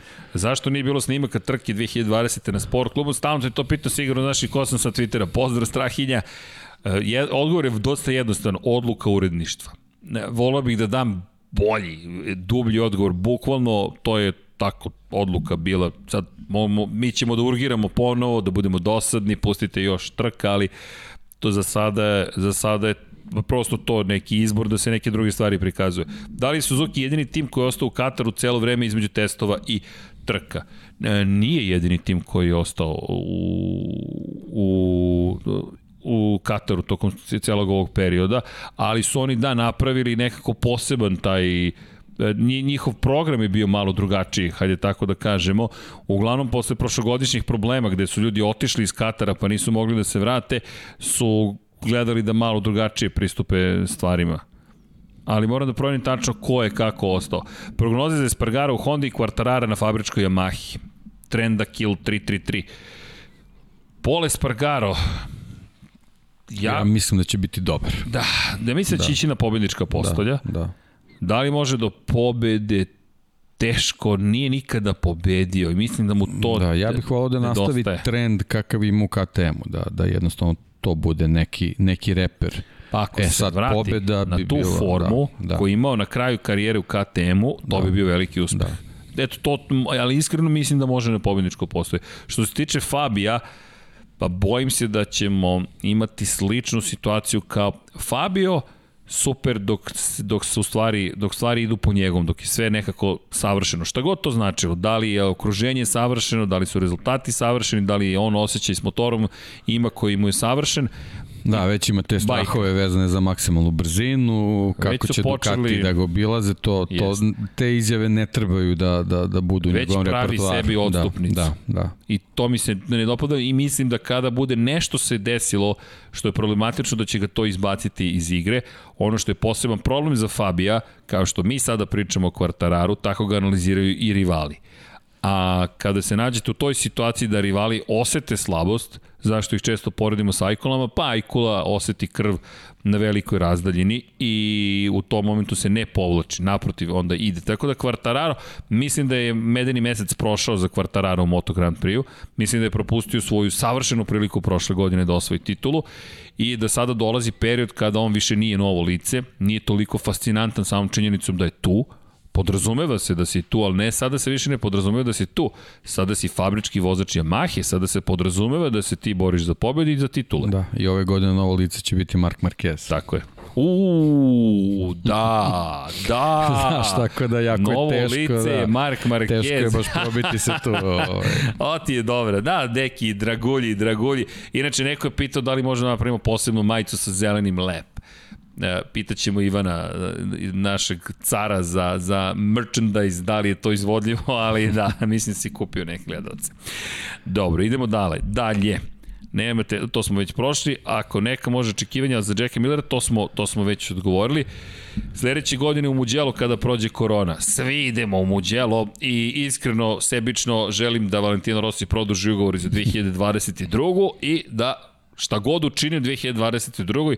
dobijemo priliku da se pozdravimo sa legendom automoto sporta i sporta generalno i to su redki trenuci karijera koja traje od 1996. da se završi kada god da se završi, a da budemo prisutni u svemu tome, svi, svi koji smo sada na, na streamu, u studiju ili van studija, mislim da je nešto što je vredno pažnje. Tako da navijam da produže ugovor, krajnje, neki samo marketinški podržavam. Ta jedna godina, verujte, neće nikome poremetiti neke zbiljnije planove, a mislim da će sve tu Moto Grand Prix dati nešto što svi zaslužujemo, to je oproštaj od jednog velikana sporta. Nadam se da Mark Marquez kada dođe njegovo vreme za penziju, i da smo da je izbegao zapravo jednu ozbiljnu opasnost, da neće imati te probleme da li je COVID-28 ili nešto slično, već da će imati svoju sezonu u kojoj će se takođe oprostiti, tako da eto. Nadam se. Srđane, imali neke najave da će, da li će Beogradski moto sajam koji treba bude po prošle godine biti organizovan? Ne. Sada ne. Ne. Ne, ne. ne nema bukvalno nikakvih najava. Ja mislim da će Alex Marquez ove godine biti još bolji, neće imati biti pritiska od Mark Aleksa očekujem, ja očekujem dosta od ja Aleksa Markeza. očekujem da LCR, to sam već rekao, LCR ove godine posebno u početku sezone možda bude i, i, i kvalitetniji od Repsol Honda. Izvini, da li se ovaj Vilenjak ponovo pojavio Jest. pod nekim drugim imenom? Ne, ne, nije pod drugim isto ime. Pod ispo, kako stavio da. sam ga u time out i obrisao. Ja, Ali evo, izvinjavam se, nisam video Vilinjaka. Bitka između Vilinjaka i, i Lab 76. Dobro, Vilinjaka ćemo i da prijavimo. Sada ide sledeći moment. Dobro, i report. Eto, uradio sam sve što sam mogao da sklonimo Vilinjaka. Sa svi govorimo da smo vilenjaci, pokušavamo da ga sklonimo, ali ovo je stvarno neki vilenjak, čovjek ima čudesne moći, nadprirodne moći, da da nekako ostane na kanalu. Ovo još nismo videli. Dobro. Pa dobro, sve sam uradio što sam mogao s ovim čovekom. Vilenjakom, izvinjavam se. Da, nije, nije, nije, nije u pitanju ipak vilenjak. Uh, ok, bitka nastaje da traje. I znam šta ćemo da uradimo, to sam se dogovorio sa našim svetioničarem, Pazi kako se ovo spojilo. Naš dragi prijatelj, zapratite ga na, na, na Twitteru, Svetioničar se ponudio da nam bude moderator četa. Ali pazi kako se sad sve sva. Infinity Lighthouse dobio svog svetioničara. Ili ti Infinity Lighthouse Guardiana. Tako da, od sledeće nedelje vilenjaci biće, biće interesantno kako će se snaći kada nam dođe jao, vilenjače, vilenjače, nemogući. Ok, ignorišemo ga od sada i idemo dalje. Dakle, Ovo je haker. Očigledno da je haker i, i, i tu smo, sad ne vidim neka od pitanja koje ste postavili. Uh, jedan fotograf, fotograf na Moto Grand Prix na Instagram profilu saopštio da je Katar na ban listi za letanje. Da li može to, to, e, to je ta, da bude potencijalna smetnja. Ne da može da bude potencijalna smetnja, nego može da onemogući Markeza da se pojavi bilo gde pre Portugalije. I to je ono čemu smo pričali prošle godine. Ne, trenutna je procedura svako ko da. stigne u Kataru u ovom trenutku mora 14 dana izolaciju to je to je jednostavno to. Ostali su već tamo, on ako krene ka Kataru, ako, ako situacija bude ovakva kakva je trenutno, neće imati dovoljno dana izolacije da bi se pojavio na prvoj trci, tako da...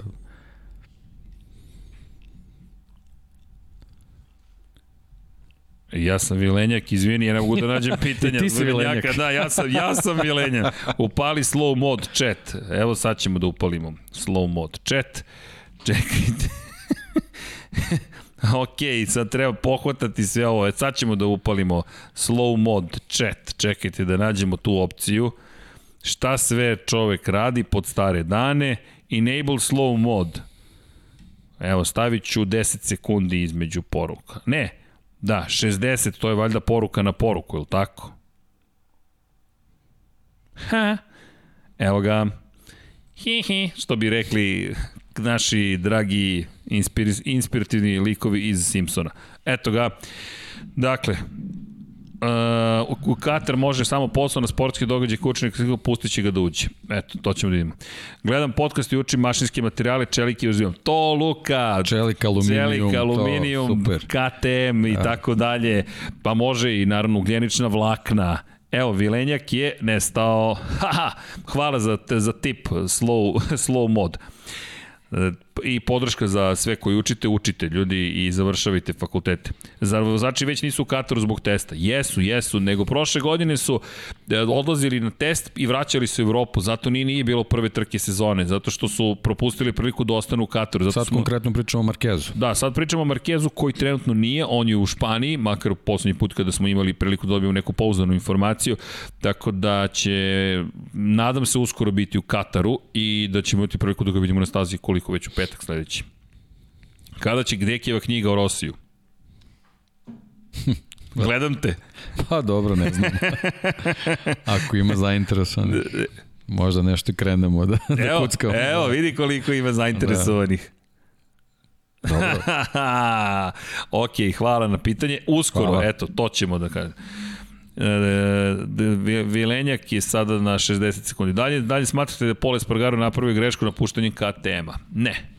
Sad mislim da nije greška. Posle ovoga što sam video, pa, ne. Mislim, prelazak u Repsol Honda nikako ne može da bude greška. Ne može. To, to, Kako je, god se razvijalo. To je ono što smo pričali, Ducati jeste da. Ferrari motociklizma. To, da li je, da li je Sainz ali, pogrešio što je prihvatio poziv Ferrari? Ne, Nikad. Ulazite u istoriju, vi ste vozač Ferrarija, tako ste i vozač Repsol Honda. Mislim, to je uvek mač sa dve oštrice, naravno. Rezultatski, ali, da. Ali kad dođe taj poziv, to, to se ne odbija jednostavno. Evo, ima, ima još zainteresovanih za knjigu, samo da znaš. Dobro, lepo. Tako Hvala. da, čisto da znaš, dosta je zainteresovanih. Uh, ubacio sam slow mod, ne mogu više. Uh, da li postoji šansa da su krili i ranije snimali Markeza na motoru? Teško teško e, s obzirom na činjenicu da je moj utisak da, da bi to bilo to bi već bilo prekompleksno ovo deluje kao pra, zaista autentična njegova vožnja i eto nadam se da da smo zaista videli neku vrstu istine to što ste rekli ne znamo nova kaciga i sve ono što smo videli na njegovom profilu. Drugo, Honda, znate šta? Pa ne, to bi suviše komplikovano ne, ne. bilo, za, ne, nema potrebe za takvom igrom, mislim, nije... Mislim da nije razlog. Da li Binder može da dođe do titula ove sezone u Moto Grand Prix? Eto, sad smo rekli, može. da, Srki, znam da je podcast MotoGP, ali sutra premijera Justice League Snyder Cut, da li ću da gledam? Da, Ognjene. da, apsolutno ću da gledam i jedva čekam. Zatim, 20 knjiga Deki već prodao ovde. da li očekujete Lorenca kao test vozača? Jao, nažalost ne. Jorge da. u tolike sukobe uspeo da uđe preko društvenih mreža, ni manje ni više. Da, i trenutno jedva sedi da. onaj svoj Lambo, tako da to bi mo, ozbiljan rad sad njegov morao da bude da bi mogo se spremi da, da sedne na Moto Grand Prix za test. Da, inače pitanje da li je bilo ikakvih vesti o Janoneu? To mi se nekako nadovezuje. Janone se poput Lorenca oglasio samo na društvenim mrežama, besmislenim komentarima o tome kako to otprilike implicira da bi on to mnogo bolje uradio. Šteta. Bilo je prilike šteta. da pokaže kako bi bolje uradio, tako da... I sada, da li je moguće da i Kirlekona pobedi? Ja to, Bogdane, ne smem da izgovorim, jer ja kada sam tipovao da će biti na pobedničkom postolju, čovjek je dobio COVID-19 i nije se više pojavio na stazi ali ja duboko verujem da može do pobedničkog postojanja na nekim stazama koje mu odgovaraju. Do pobede mislim da, da bi mora da ima mnogo, To je ozbiljan splet okolnosti da, treba da bude. Da, da. da baš mnogo. E, Marquez je vozio Naku, Montmelo je vozio staru specifikaciju Honda RC213 VS. Jeste Zlatko vozio, ali opet je to skoro pa Moto Grand Prix motocikl, to je ono što smo pričali na početku. Moto Grand Prix iz 2015. Može li Manjaja da pobedi Millera? Sigurno sam da je talentovaniji. Pa ja mislim da ne može konstantno. Da. Evo iskreno, mislim da ne može konstantno, mislim da Banjaja dve godine je već pokazuje isti problem, a to je manjak konstantnosti u rezultatima. Na jednoj trci spektakularno, na sledećoj problemi, konstantni izgovori, objašnjenja zašto nešto ne funkcioniše, malo uh, pogleda ka samom sebi i za razliku od Morbidelija koji je rekao ovo je do mene da ja unapredim sebe, Banja je nekako stalno gleda ka nekom drugom, tako da mislim da ga neće ugroziti, a fenomenalan je bio u nižim kategorijama. Pozovite u goste Dalibora Miletića, dečko vozinjem mislog 24 časa Lemana maše deki glavom, tako da znate. Uh, Skyver 46 mišljenje za ovu sezonu. Pa dobro, to je ono, kako bih rekao, ne mogu sad da kažem standardna postava, ali jednostavno znaju se, mislim, mogu, mogu da budu i bolje nego prošle godine. Sad Vijeti je tu, vidjet ćemo Beceki, naravno, evo, već, već smo ga ispominjali, tako da zašto da ne. Kada će Deki biti gost u podcastu za F1? Uskoro. Uskoro, Stvarno? da, da, da. Nisi ni znao. Ali uskoro. Martin Kodrić za, za gosta. To je znak pitanja. Koji odgovor? Pa mi uvek dajemo Pa, iste da, odgovore. da, mi, naravno, sve bismo voleli, sve naravno, bismo voleli, samo treba sve da sve to stvar organizacije, tako je, tako je. Deki me gleda, pošto da. Da. spisak koji već postoji je ne, neophodno realizovati. Stavljamo, bez brige. Uh, Martin Vugrinec, to smo spominjali prošli put, da, da, da se nadamo da ćemo, da ćemo uskoro pričati s Martinom. Kada ga očekujete u Rosijem timu, kad se, koga očekujete u Rosijem timu kada se Rossi povuče? Nekog novog. Pa ja mislim nekog iz akademije. Iskreno, mislim da je, da je, da je to sada direktan autoput za predstavnike akademije u Moto Grand Prix klasu. Da je to sada pitanje zapravo za one koji Beceki deluje Da, kao ako taj. se Marini dobro snađe na Ducatiju, Da. da. možemo očekujemo Becekija u ovaj, Yamahi, ako se Rossi povuče, možda VR46 dođe u Moto Grand Prix, tako da to je sad ali što se tiče Yamahe, ako, ako pričamo o, o ovaj, akademiji Beceki, zašto da ne? Beceki mi deluje kao logičan, pogotovo što je Beceki odbio Apriliju. Beceki je bukvalno odbio Apriliju. I to je takođe vrlo interesantno, kao da je hteo da ostane slobodan za Skyver 46 ekipu, koja će se de facto tako zvati. Naravno, ono što je pitanje je šta će biti sa Neom Bastianinijem. Da li će zadržati Eneu Bastianinija u toj ekipi. Jer ako Avintija proda svoj udeo, ako to zaista postane potpunosti Rossijev tim, da li koliko god da je Bastianini blizak sa celom ekipom Italijana, da li to garantuje Bastianini ostanak u Skyver 46-ici? Ima Veliko, dobre da. sponzore, ali to opet veliko da, ali pitanje. pitanje je koliki je taj Tako je. paket, tako da mnogo, mnogo elemenata ima. Uh, slučajno sam banovao nekoga. Izvinjavam se. Uh, Ognjene, uh, pa tu si, izvini ako sam te time outovo. Mislim da je sad malo sve poludelo sa ovim vile- vilenjakom. Ok, ne znam kako ćemo njega da rešimo, ali to je to. E, inače, Srki i Deki, znam da je podcast MotoGP i F1 trka u Bohrinu će biti kad smo uslovi duvaće vetar uh, od 35 do 50 km I na taj čas. moment, da, da. Ne, vidimo vremensku prognozu, Da. da. sad je samo pitanje koliko je tačna i ako to zaista bude tih dana, bit će problem veliki. Da, inače za Janone malo pre bilo pitanje da li će se vraćati Janone u uh, zabrane ističe za dve godine, malo manje godinu i krajem 2020 i ne, 2023. On je 2019. dobio kaznu, četiri godine mora da, da odsedi, 2023. Za Janone smo rekli možda će čak i voziti neku trku ove sezone. Čekamo taj test. Da, ovde sam imao i neka lična pitanja, e, moram, e, Marko, pa ne, još nemam dece, eto, da odgovorim na to pitanje. Uf, neka muzika je uletela u prenos, ja ne znam, to je Vanja nešto spremio, neki zvučne efekte. Danas tehnika Danas je, da. poludela. Da, izvini Ognjene za slučajno banjovanje. E, šta očekujete od Olivire? E da, Očekujemo. T- šta oč- Očekujemo. očekujemo? očekujemo da pa pazite i prošle godine. dve A, da, pobjede prošle godine. A, a nekako e, zato sam KTM toliko istakao. Oliveira nije među vodećih 15, ne vodećih 10. Meni je to problem. Problem je što to svi problem. zajedno nisu, To. niko nije iskočio, što znači nije problem u vozaču. I razumem da im staza ne odgovara, ali ajde da prođemo kroz kalendar po pitanju staza koji imaju tako visoku maksimalnu brzinu. Doha je sledeća trka, to je ista staza. Problem. Portugalija, prošle godine je upečatljiv bio, izdominirao. Ali ono što smo pričali, što sam ja spomenuo nekoliko trka ranije, on je za, za tu trku ima potpuno nov paket motocikla. I još jedna stvar, Tako da, evo Dom Pablo nam se smeje, što se podsjećamo nekih iskusnih komentara, ali ima još jedna stvar, ko je najbolje poznavao tu stazu? Oliveira. Toga neće biti više ove godine i postavlja se pitanje maksimalne brzine. Ok, da li Pa- KTM u Herezu dobro funkcioniše? uh, recimo da je, da je taj Portimao biće dobar test u stvari da vidimo gde je KTM.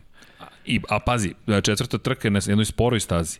Na Herezu, gde je 280 km na čas. Sad ćemo tu da čekamo Yamahi. Ah, pretpostavljam Suzuki, Da, Yamaha. da. To bi trebalo da budu oni. Gde onda KTM dolazi do izdržaja? Francuska. Stani, kreni staza. A Katar ima slične krivine poput tih. idemo Što dalje. znači Red Bull Ring. Pa, kako sada stvari stoje, da. Da. čekamo šta? Imamo sledeće Mugello gde je 360 km čas gotovo zagarantovano ove godine. Opet da li je KTM tu u problemu? Ako ovo nešto Koja sluti... definitivno nije stani kreni staza. Tako je. Dolazimo do... do da, nije to Ali sigurno znaš nije. kako, za, za, za neki bolji paket, paket koji napreduje u odnosu na, na izdanje od prošle godine, nikako ne smemo da pričamo samo o kreni stani stazama. Nikako. Oni moraju, moraju da naprave pomak. Ali pogledaj sada, sedma trka je Katalunja. Opet kilometar pravca. Da, ako tu opet imaju problem, kada će doći do izražaja njihove snage? U Saxon ringu. To je opet Suzuki i Yamaha. Pri čemu ne znamo Honda naravno kako će se ponašati, kako će Marquez funkcionisati i onda dođemo do Asena. Pa Finska, pa Red Bull Ring. To je već prošlo pola sezone.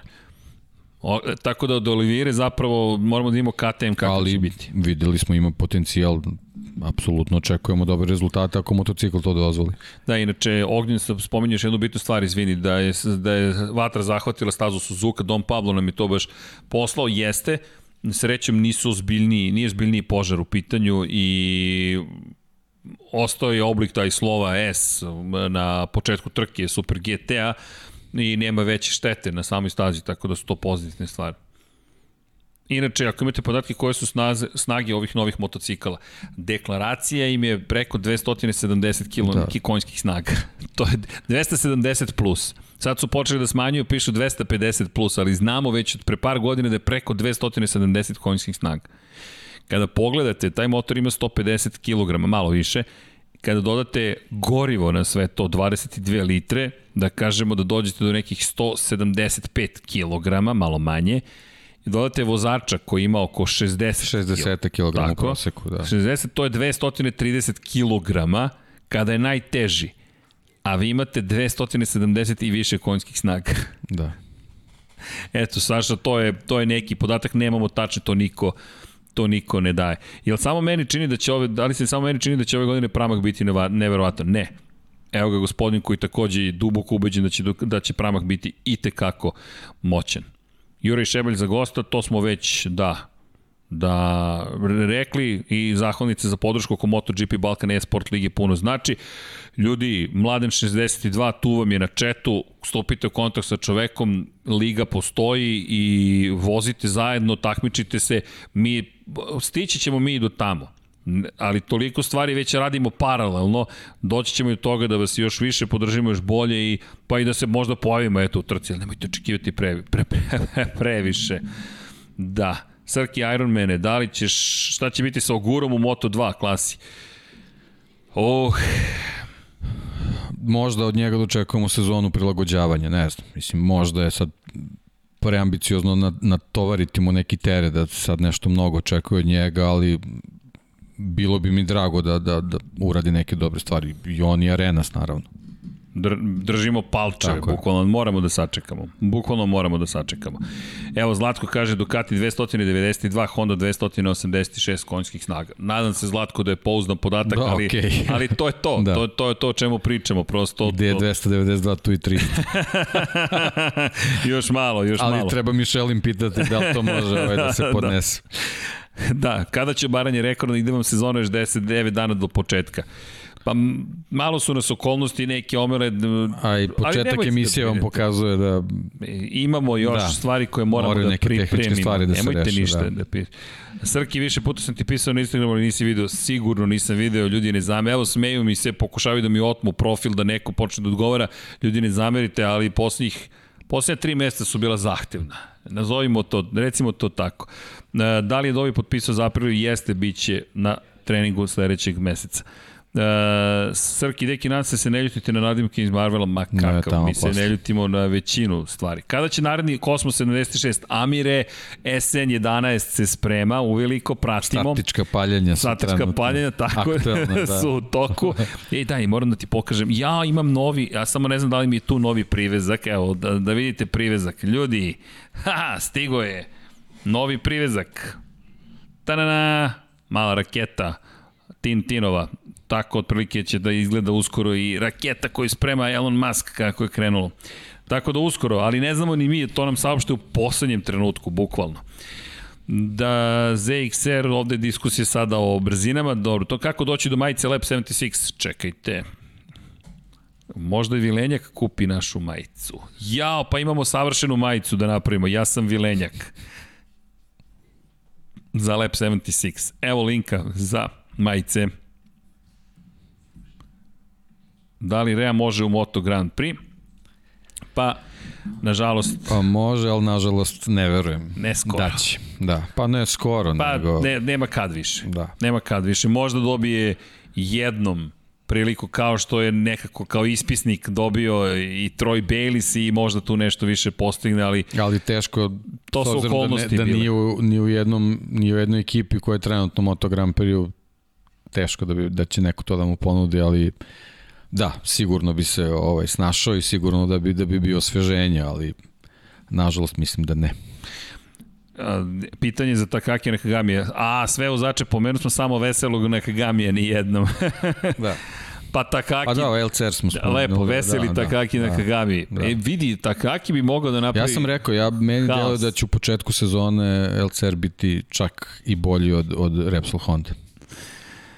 Da, može da se može da se desi da da da zapravo nas Takaki Nakagami najviše zapravo i izneradi u Kataru kao predstavnik Honda. To si lepo rekao da bude tu među top 5, a ko ta tu da. kada krene, pri čemu najveća stvar za Takaki Nakagami jeste da se plasira na pobedničko postolje.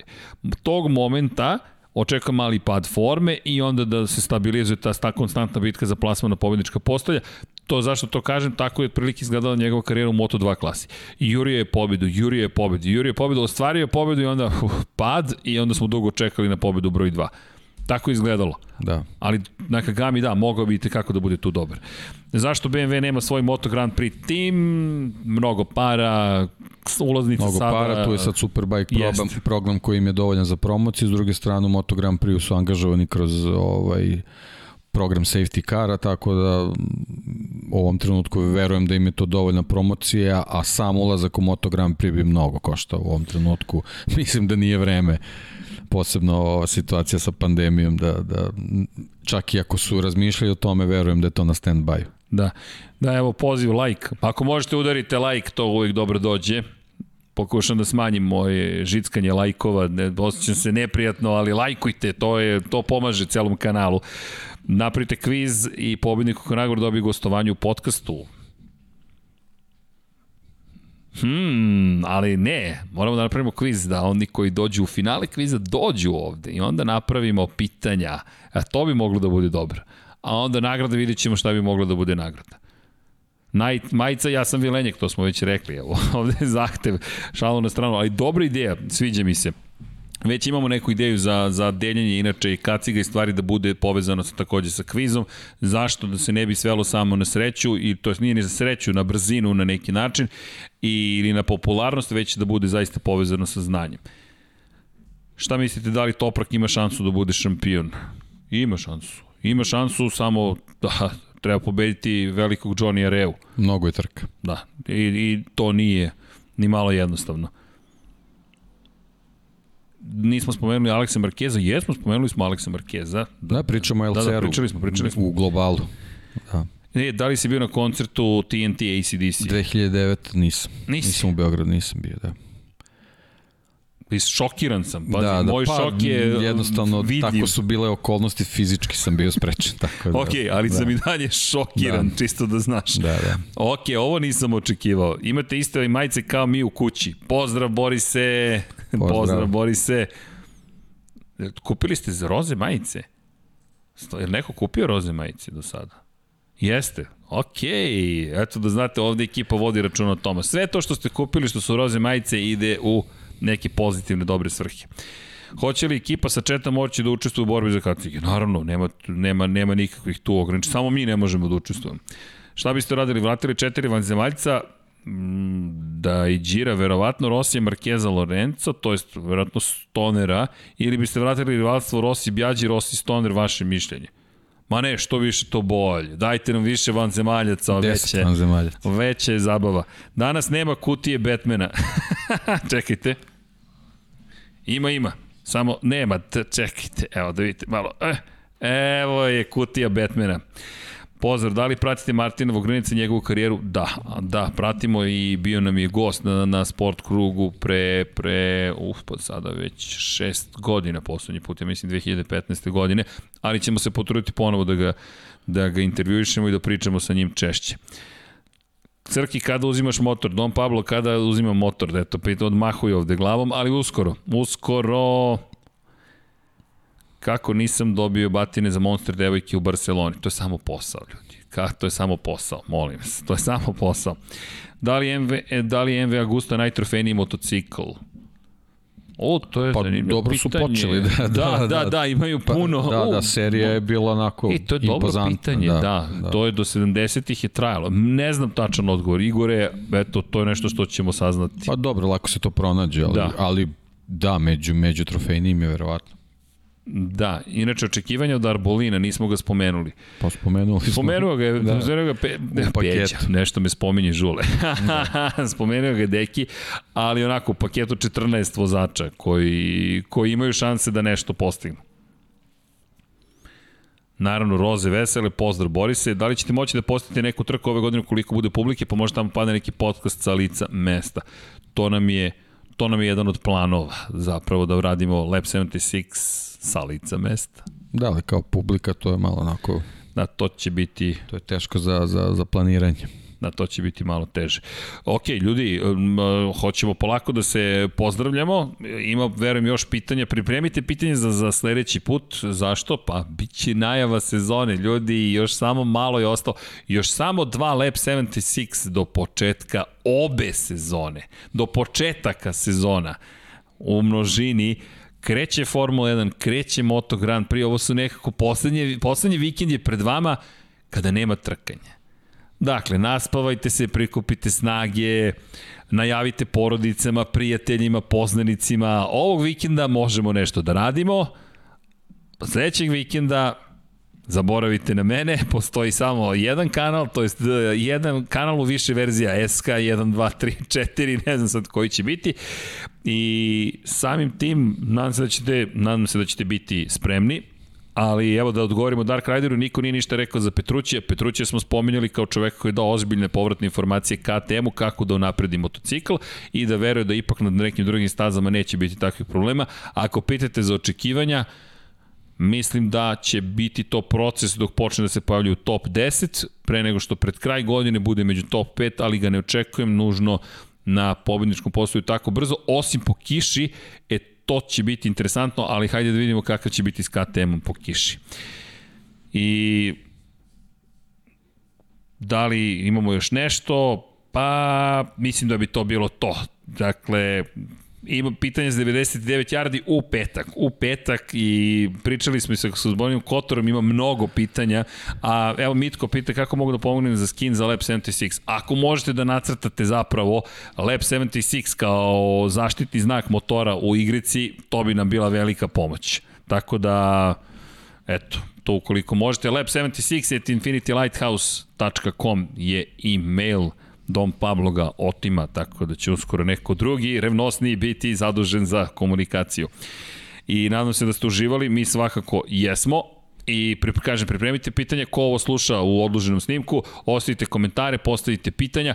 Prošle nedelje, pogledajte broj 78, smo više analizirali konkretne testove, sada smo se više bavili Markezom, Doviciozom, tim ključnim vestima u ovih poslednjih 24 časa i nekom vrstom, pa možemo reći, prelaznog perioda do najave sezone i onda onoga što najviše volimo, to je trkanje. Jedva čekam i želim šaljemo ljubav iz studija na kraju univerzuma, vodite računa jedni od drugima, mazite se, pazite se, to je univerzalna poruka i naravno budite dobri. Šta drugo da vam kažemo? Da, lajkujte i subscribeujte se. Eto, imamo i taj moment, ali to nije bitna poruka. Bitna je poruka da zaista budemo dobri jedni prema drugima.